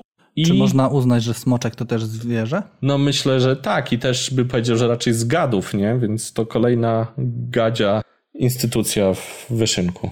Po kobrze, pytonie, wężach. Wężu. Tak. Jeszcze smoczek. E, głowica ma e, dwa wejścia tu sobie warto obczaić, bo e, na pewno nie jedna osoba się pomyliła przy podłączaniu węży. Co jest podłączane na górze, a co jest podłączane z boku? Ekspert Janek się wypowie. Proszę bardzo. Na górze jest piwo, na dole jest. Z boku gaz. gaz. Tak. Pamiętajcie, zawsze z góry piwo. Nie wiem, jakiś wierszyk może ułożyć do zapamiętania. Tak jak Masz z jakiś... balokami, z tymi szary, biały, czarny, coś tam. E, Ułożysz na, na, tak na, na szybkości wierszyk jakiś? Nie. No to trudno. Jeśli ktoś ułoży jakiś ładny wierszyk, to obiecujemy nagrodę, e, żeby zapamiętać, że z góry jest piwo, a z boku gaz. Prosimy na w komentarzach. Na górze, na dole fiołki, od góry zawór jest... kompromitacja w ogóle. Na górze piwo, na dole gaz. Niech to zapamięta każdy z was. O, proszę bardzo. Dobrze, idziemy dalej, bo już odcinek jest bardzo długi. Przewody. E, przewody mają różne średnice i różne są stosowane do wyszynku piwa. Ja polecam sobie zrobić jeden, e, stosować tylko jeden, nie robić dwóch albo trzech rodzajów. Zróbcie sobie jeden, nigdy wam się nie będzie mylił. Taki sam, najpopularniejsza ta średnica jest chyba 3 ósme, tak? Tak, ja polecam 3.8, dlatego że dużo łatwiej schodzą z szybko złączek. Tak, więc e, nie, nie kupujcie sobie różnych grubości, nie, niczemu to nie służy, oprócz tego, że później wam jedno do drugiego nie będzie pasować, będziecie chcieli coś podmienić, nie, nie będzie się dało. Nie, nie, nie idźcie. Trzy ósme najlepsze, jedna, druga grubsza niepotrzebna. Podobno jeszcze pięć szesnastych taki znalazłem, nie wiem w ogóle po co to, do czego. S5 no i, ósmych też. Tak, nie, nie idźcie w tą. Nie idźcie w tą stronę, zróbcie sobie trzy ósme jak człowiek. E, bo przewodów potrzeba do wyszynku, prawda? I do gazu. Są dwa rodzaje przewodów e, i jeden właśnie w głowicy idzie do góry i do z beczki do kolumny, a drugi przewód idzie e, z głowicy do gazu. Tak? Zgadza się. Ten do gazu najczęściej jest czerwony. Najczęściej jest czerwony, a tamten jest przezroczysty do e, płynu. Najczęściej. Dobrze, do tego tutaj są te pytony, mam tu zapisane, tu już mówiliśmy o pytonach. Johnny Gesty. Johnny Guest, czyli szybko złączki. To wszystko trzeba jakoś połączyć, no bo macie głowicę, macie przewód, jak to połączyć? E, głowica ma e, taki e, gwint, prawda, na śrubę, a przewód jest przewodem. Żeby to połączyć, trzeba mieć taką złączkę nakręcaną na gwint, a łączoną z przewodem i to są bardzo fajne rzeczy nazywane szybko złączkami, które polecamy. Oczywiście są inne metody, ale nie idźcie w to, szybko złączki Johnny Guesty są super. Tak, Janku? Tak, mówiliśmy o tym dużo z Olkiem w poprzednim odcinku, 30. Tam można, właściwie ten odcinek można było powiedzieć, e, cały czas można było, a mówiliśmy o tym, a mówiliśmy o tym. Tylko Przemek się uparł, żeby to nagrać. No, gdyż jest uparty, więc e, o Johnny Gestach już nie będę się rozwodził, jest ich mnóstwo rodzajów kątowe, takie śmachy rozkręcane, naprawdę milion e, rzeczy. Jest bardzo przydatna rzecz, ale kupcie sobie czasem zapas, bo potrafią pęknąć, ale bardzo rzadko. Reduktor. Reduktor czy ty słyszałeś o tym, że można e, reduktor, który nie jest przeznaczony do piwa, ale do jakiegoś spawania stosować do piwa? Bo takie rzeczy się często przewijają na forach. Nie można. Nie można, gdyż. Nie wiem. Ja też nie wiem, ale nie do końca rozumiem, po co tak kombinować. Naprawdę e, reduktor można sobie kupić jeden. Uważajcie tylko, bo jak jest przykręcony na butli, to często spada, przewraca się i bardzo łatwo uszkodzić manometry, czyli takie E, wskaźniki, które wam pokazują, ile jest gazu. Wskaźniki, wskaźniki są dwa zazwyczaj na reduktorze, prawda? Czyli jeden pokazuje ciśnienie, jakie jest e, w butli, a drugie, jakie będzie podawane na beczkę, tak? Tak. No to dobrze. No to dobra, to nad tym się już e, nie rozwodźmy. Reduktor sobie kupcie normalny. I teraz pytanie jeszcze, jak poskładać to wszystko do kupy? No bo masz całe te mnóstwo gadżetów, wymieniliśmy tutaj kilka rzeczy. Jak to złożyć do kupy? Do głowicy trzeba podłączyć wężyk, wężyk podłączyć do schładzarki, do schładzarki podłączyć drugi wężyk i ten wężyk podłączyć do kranu. Koniec. Dobrze, ale ja to troszkę jeszcze bardziej uszczegółowię, więc bierzemy beczkę, nakładamy na nią głowicę, na głowicę przykręcamy dwie szybkozłączki. Jedna szybkozłączka do gazu po prawej stronie, podłączamy przewód, przewód biegnie do reduktora, reduktor nakręcony jest na butle albo gdzie indziej i z butli jest podawany gaz przez e, ten wężyk czerwony, najczęściej e, przez szybkozłączkę na e, właśnie głowicę. A od góry do głowicy też jest nakręcane. Druga szybkozłączka idzie sobie przewód do schładzarki, takiej czy innej, która też często ma nakręconą szybkozłączkę, żeby to połączyć, albo wystające po prostu węże i też wtedy szybkozłączka. Później to idzie sobie na kranik i już, tak? Tak, myślę, że gdybyśmy nagrywali film, to moglibyśmy zaprosić e, jako gościa Jacka Gmocha i on by to bardzo ładnie rozrysował. Kurczę, to by było piękne. Może zaprosimy go, może się zgodzi. Jak myślisz? Myślę, że wtedy ten odcinek nie trwałby godzinę 20, tylko jakieś 4. Ale byłaby taktyka podłączania wtedy. Aha. Mhm. Ty bardzo ładnie o tym powiedziałeś, Przemku. Myślę, że wszyscy sobie to przepięknie zwizualizowali. Doskonale, więc przejdźmy do przedostatniego punktu, czyli do rzeczy, o których się czasami nie chce słuchać, ale jednak warto, czyli czyszczenie i konserwacja. Instalacja do wyszynku, jak każda, wymaga czyszczenia i konserwacji. Jest to rzecz upierdliwa, której nigdy się nikomu nie chce robić, ale jednak trzeba, tak jak mycie, czego ci się nigdy nie chce robić, mycia czego? Butelek. I odklejać mycia. etykiet butelek, ale też jednak warto te butelki myć przed, w piwowarstwie domowym. Tak. A etykiet mi się nigdy nie chce odklejać. Czy to znaczy, że y, czegoś mogę nie robić przy myciu? Yy, martwy, martwy punkt. Znalazłem się w martwym punkcie. Przejdźmy dalej w takim razie. Przejdźmy Dobrze. dalej. Pomimo, nie było tego pytania. Yy, jak wymyślę, to ci powiem. Dobrze. Przede wszystkim czyścić należy dobrą obyczajem jest, żeby w barze po każdym piwie się zmienia, przepłukać instalację wodą. I do tego służą takie te beczki inspekcyjne, o których powiedziałem na samym początku, albo częściej w barach są montowane po prostu takie e, gotowe głowice z wodą, do których się takie właściwie fittingi z wodą, do których się podłącza głowicę, zapina się na nie i od razu się automatycznie płucze to wodą.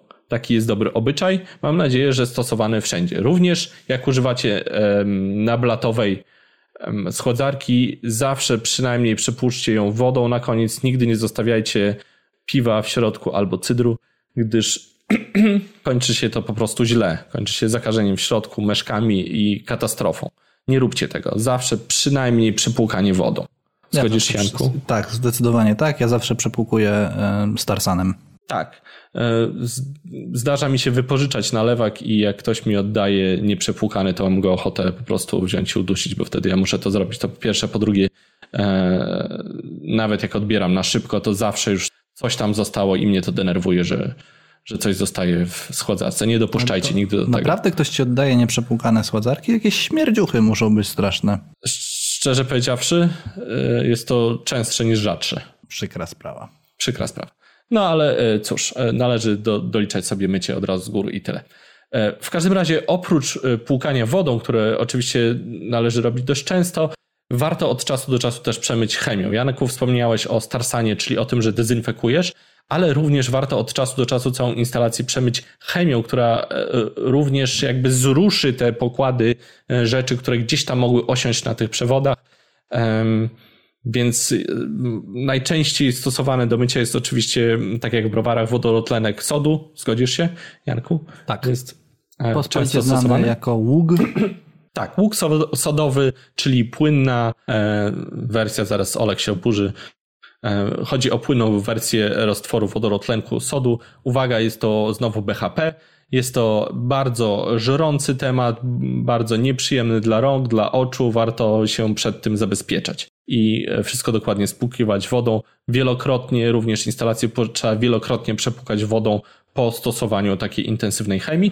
E, ja używam też e, Oxy, prawda? Bo jednak te utlenianie powoduje, że co można zaobserwować, że te pęcherzyki odrywającego się gazu również potrafią czasami jakieś brudki oderwać i uważam, że jeszcze lepiej troszkę czyszczą, oprócz tego, że dezynfekuje i ozonowanie jest bardzo skuteczne, to już pewnie Olek się na ten temat wypowiadał, więc y, używam również roztworu Oxy. Y, no i tyle. No i tyle. Tak, tak wygląda e, standardowe e, czyszczenie, czyli podłączamy do całej instalacji tą chemię, wodę i przepłukujemy to wszystko. Ale to jeszcze nie jest koniec. Czyli podstawowe zasady. Najpierw zasadą myjemy, potem przepłukujemy po zasadzie wodą i później jakimś kwaśnym środkiem Można. dalej płuczemy. Oprócz takiego standardowego mycia, e, od czasu do czasu coś, co ja robię przynajmniej raz na rok, to jest dogłębne rozebranie instalacji na części pierwsze. Ponieważ wcale nie jest tak słodko, że tylko podłączamy sobie e, wężyki e, i to wszystko już sprawnie działa i, i głowica i ciach, ciach, ciach i, i szybko złączki, ale w środku znajduje się całe mnóstwo również e, uszczelek, uszczelniaczy, e, takich różnych rzeczy, które również mają takie różne zagłębienia i warto od czasu do czasu je rozebrać i przemyć. Jak się okazuje, wiedza ta jest nieco wiedzą tajemną i w niejednym barze na przykład nie wiedzą o tym, że trzeba rozkręcić kranik od czasu do czasu i zdarzały się takie rzeczy, że na przykład po roku ktoś e, rozkręca kranik, ktoś im powie tej załodze na barze, że trzeba to umyć, rozkręcają i tam w środku jest takie rzeczy, że od razu można zwymiotować od tego zapachu, który tam się uniesie z tego rozkręcanego kranika, ponieważ wszystkie te piwa przepuszczane przez, które były tam przepuszczane, osiadały w tym kraniku. Tak, to... i później jedynki na antapcie. Tak, jest to syf po prostu straszny. To, co się dzieje, to nie potraficie sobie nawet wyobrazić. Więc e, mówię, wszystkie części mają śrubki, e, takie e, zakrętki. Zacznijcie zagłębiać temat. Jeśli mi się uda ugra, u, nagrać, to nagram taki króciutki filmik z tym, jak się rozkręca i skręca się to wszystko e, do kupy. Naprawdę warto to zrobić minimum tak raz na rok, to jest minimum, minimum. każdą rzecz, którą się da rozkręcić, rozkręcić, rozłożyć na części pierwsze, przemyć wyciorkiem, wyczyścić, e, zdezynfekować, nasmarować wazeliną e, przeznaczoną do spożywki specjalną, do płynów, którą można sobie kupić w sklepach. Wszystkie uszczelki, bo tych uszczelek jest w środku całe mnóstwo. Co więcej, od czasu do czasu te uszczelki jeszcze trzeba wymienić, bo te uszczelki się po prostu zużywają. Ona się uszczypnie gdzieś przy zaciskaniu, przy skręcaniu i e, później to poleci czasem do piwa. Ktoś wypije i mówi, hmm, jakie dobre piwo, takie gumowe trochę. E, I jedynka na antapcie. Tak, lateksowy posmak, pamiętasz? Gdzieś było kiedyś. W każdym razie e, te uszczelki też warto wymienić od czasu do czasu. Patrzyłem, zestaw uszczelek do głowicy kosztuje około 10 zł, więc nie są to straszne rzeczy. A zdarza się, że głowice po paru latach są koszmarnie zniszczone, te uszczelki się nie zaciskają. Zdarzyło ci się, że nie chce ci się zaciskać głowica na przykład? Zdarza się, ale bardziej to, to, to raczej nie jest kwestia zużycia głowicy, tylko raczej kwestia techniki za, za zamykania, akurat w moim przypadku. Natomiast jak najbardziej trzeba je wymieniać. No tak, ale no powiedzmy sobie szczerze, ta guma z, z biegiem czasu e, twardniej, ona coraz trudniej i gorzej działa, także również warto od czasu do czasu sobie wymienić te uszczelki. Na pewno trzeba je od czasu do czasu rozkręcić, wyjąć, zdjąć, nasmarować i założyć z powrotem. Także takie rzeczy również trzeba robić od czasu do czasu z instalacją i zajmuje to kupę czasu, ale trzeba to robić. Amen. Amen. To jest minus. Dobra, e, mówimy o kosztach, czy nie mówimy? Ile mówimy, to kosztuje? Jak już e, tak, mówmy ile to kosztuje po kolei. Dobrze. E, instalacja do baru, taka podblatowa schładzarka, w zależności na ile e, chcecie mm, tych mieć możliwości podłączenia kranów. E, Im mniej, tym taniej, im więcej, tym drożej. Parę tysięcy. Już tam nie, nie chcę wchodzić w szczegóły. Parę Od tysięcy taka. Tak, taka ta podblatówka kosztuje. Do knajpy kolumna, kilkaset złotych, chyba tak, tak, powiedzmy tam 500-700, tak strzelam. Od 400 um, na dwa krany, im więcej kranów, tym droższa. Tak, no ale można też sobie zrobić swoją własną rurę, e, jakąś fikuśną i zamówić sobie na przykład same kraniki i pomontować. Jeśli ktoś chce się w takie rzeczy bawić, to ludzie robią na przykład robią sobie kegeratora własnego, czy tam lodówe, wyszyk z lodóweczki, prawda? Tak. Krany e... kosztują około 120 zł najtańsze nówki sztuki, a na używane można kupić za 5 dych. No właśnie, no właśnie. E, głowice, koszt głowicy około 130 chyba złotych, tak 120, jak ostatnio 130 nówka sztuka. Niedawno kupowałem, więc wiem.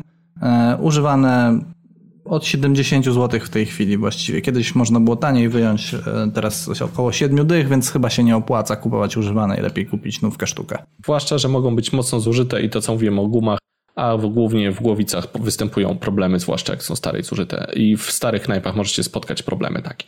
Także lepiej sobie nową już odżałować. E, przewody, czy to coś tam kosztuje? Chyba jakieś nieduże pieniądze. 3,50 za metr kosztuje e, przewód i piwny, i e, gazowy. Bierzcie minimum 2 metry, tak wam poradzę.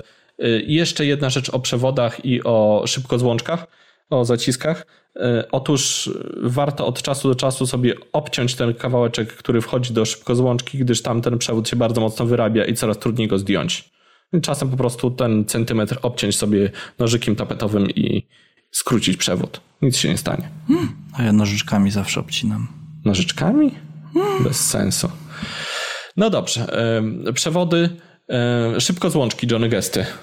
Takie nakręcane z gwintem 15 zł kosztują. Przejściówki kosztują około 9-11 zł. E, są też takie Johnny Gesty, które mają zawór. To jest mhm. droższa sprawa, około 40 zł kosztuje taki ten, ale jest bardzo fajne, bo to można wrzucić do kwasu i jakby się nie, nie koroduje w ogóle. E, jest na pewno tańsze niż, niż zawór z nierdzewki. Tyle chyba. Y, teraz się pojawiły takie te szybko złączki z szerszymi takimi płatkami do, do wciskania. Nie wiem, czy, czy wszyscy wiedzą o co chodzi. Chodzi o to, że szybko złączka ma takie coś, że taką ma osłonkę, którą trzeba wcisnąć po to, żeby wyjąć przewód. I teraz się pojawiły takie z szerszymi, z miejscami na palce, bo to bywa udręką. Zwłaszcza jak ktoś ma grube paluchy. Tak, albo jak zetrze sobie opuszki palców, albo jak w kwasie wymoczę w browarze czasami łapy, zdarza się, że nie zakładam rękawiczek, to wtedy też ciężej, albo jak są zimne e, przewody, na przykład dwutlenek węgla, jak się puści, to teraz się e, chłodzi mocno e, ten John Guest i też wtedy go ciężej zdjąć, więc ja nie widziałem tych z szerszymi pierścieniami, ale jeżeli są takie i łatwiej jest to zdjąć, to, to to takie kupcie. Bo czasami tak, można dostać. Mają miejsce na palce. Mhm. Tak, tak. Tak, bo generalnie sama zasada rozpinania tych Johnny Gestów jest taka, żeby e, nie, nie ciągnąć, ale najpierw wcisnąć tą osłonkę, cisnąć i szybko wyciągnąć jednocześnie. Wcisnąć przewód i szybko wyciągnąć. To jest E, wydaje się proste, ale jak jesteś na festiwalu, jest głośno, wypiłeś parę piw, trzęsą ci się ręce, wszystko jest mokre i śliskie, przewody latają ci w rękach, a ty Albo masz tu... nie wypiłeś i ci się trzęsą ręce. Tak, tak. Musisz szybko to zmienić, tam gdzieś ci tryska piwo, to odpinanie tych Johnny Gestów w takich warunkach e, bywa skłania do przeklinania, o tak powiem. Także Czemu ja o tym mówię w ogóle? Nie wiem. Jakiś... Ja bardzo często rzucam joby na takie e, sytuacje. E, są rozpinacze do, e, e, do tych szybkozłączek dla ludzi zirytowanych tym, że nie mogą wcisnąć tej, tej, tej, tej, o, tego obrzeża do wypięcia. Tak, ja tylko to robię... te rozpinacze są równie irytujące, co rozpinanie tych szybkozłączek. Można to robić w dwie osoby, ale wtedy się nie mieścisz ze swoimi i cudzymi paluchami na jednej wąskiej szybkozłączce i też wcale czasem nie jest łatwiej. Ja mam taki patent, że jak mam klucz, bo nie powiedzieliśmy o tym jeszcze, że bardzo przydatną rzeczą jest taki klucz duży francuski, który warto mieć zawsze przy zestawie do dokręcania właśnie reduktora na butle albo, albo tych szybkozłączek, czasem delikatnie, tylko nie za mocno. Więc ten klucz francuski, jak się tak E, zmniejszy do szerokości tego przewodu, takiego, żeby tylko dociskał tą, tą, tą, tą, tą, tą, wiesz, tą osłonkę, to on bardzo dobrze działa, taki protip. Insiderskie takie, mm -hmm. widzę. Tak, i czasem potrafi uratować życie. E, to dla zaawansowanych była porada. E, w każdym razie dochodzimy do reduktora, do gazu. Ile kosztuje reduktor do gazu? Ja chyba... 120-150 zł. Tak, ja chyba 160 e, zapłaciłem ostatnio. E, uwaga, często tłuką się tam manometry, bardzo o to łatwo i można naprawić, ale to kosztuje powiedzmy, nie wiem, 50-60 zł. Więc warto to rozważyć e, i uważać na te manometry, ich nie tłuc, bo potrafi się reduktor rozszczelnić i przestaje działać. Tak. Puszcza powietrze i wtedy na przykład z powodu uszkodzonego manometru może się okazać, że pieni się piwo, kolejna przyczyna. No dobrze, chyba zbliżamy się wreszcie do końca, co? Bo tak. Się nagadałem. Teraz wiesz, będziesz miał jedyną okazję e, powiedzieć o tych wszystkich łapkach, pożegnać się łapki, dzwoneczki i tak dalej, nie? Bo to zawsze mówi Olek, a później ty powtarzasz to na sam koniec odcinka. Żeby zapamiętali. Tak, żeby zapamiętali. To teraz możesz to zrobić raz, a porządnie. W sensie nie będzie już, wiesz, twojego zakończenia. Teraz możesz powiedzieć do widzenia, jak tak. Nie będzie zakończenia? Tak, nie będzie. Teraz, teraz właśnie nagrasz zakończenie. No bo o kurde, no to jest na końcu. I to wszystko już w 41 odcinku Alchemii podcastu o piwie i cydrze. Wiem, że nie możecie się już doczekać odcinka 42. Jak nam się zechce, to się za niego weźmiemy. Póki co możecie kliknąć łapkę, serduszko, czy co tam sobie chcecie. I tak was bardzo lubimy. Do usłyszenia. Cześć. Pozdrawiajcie pana Przemka i.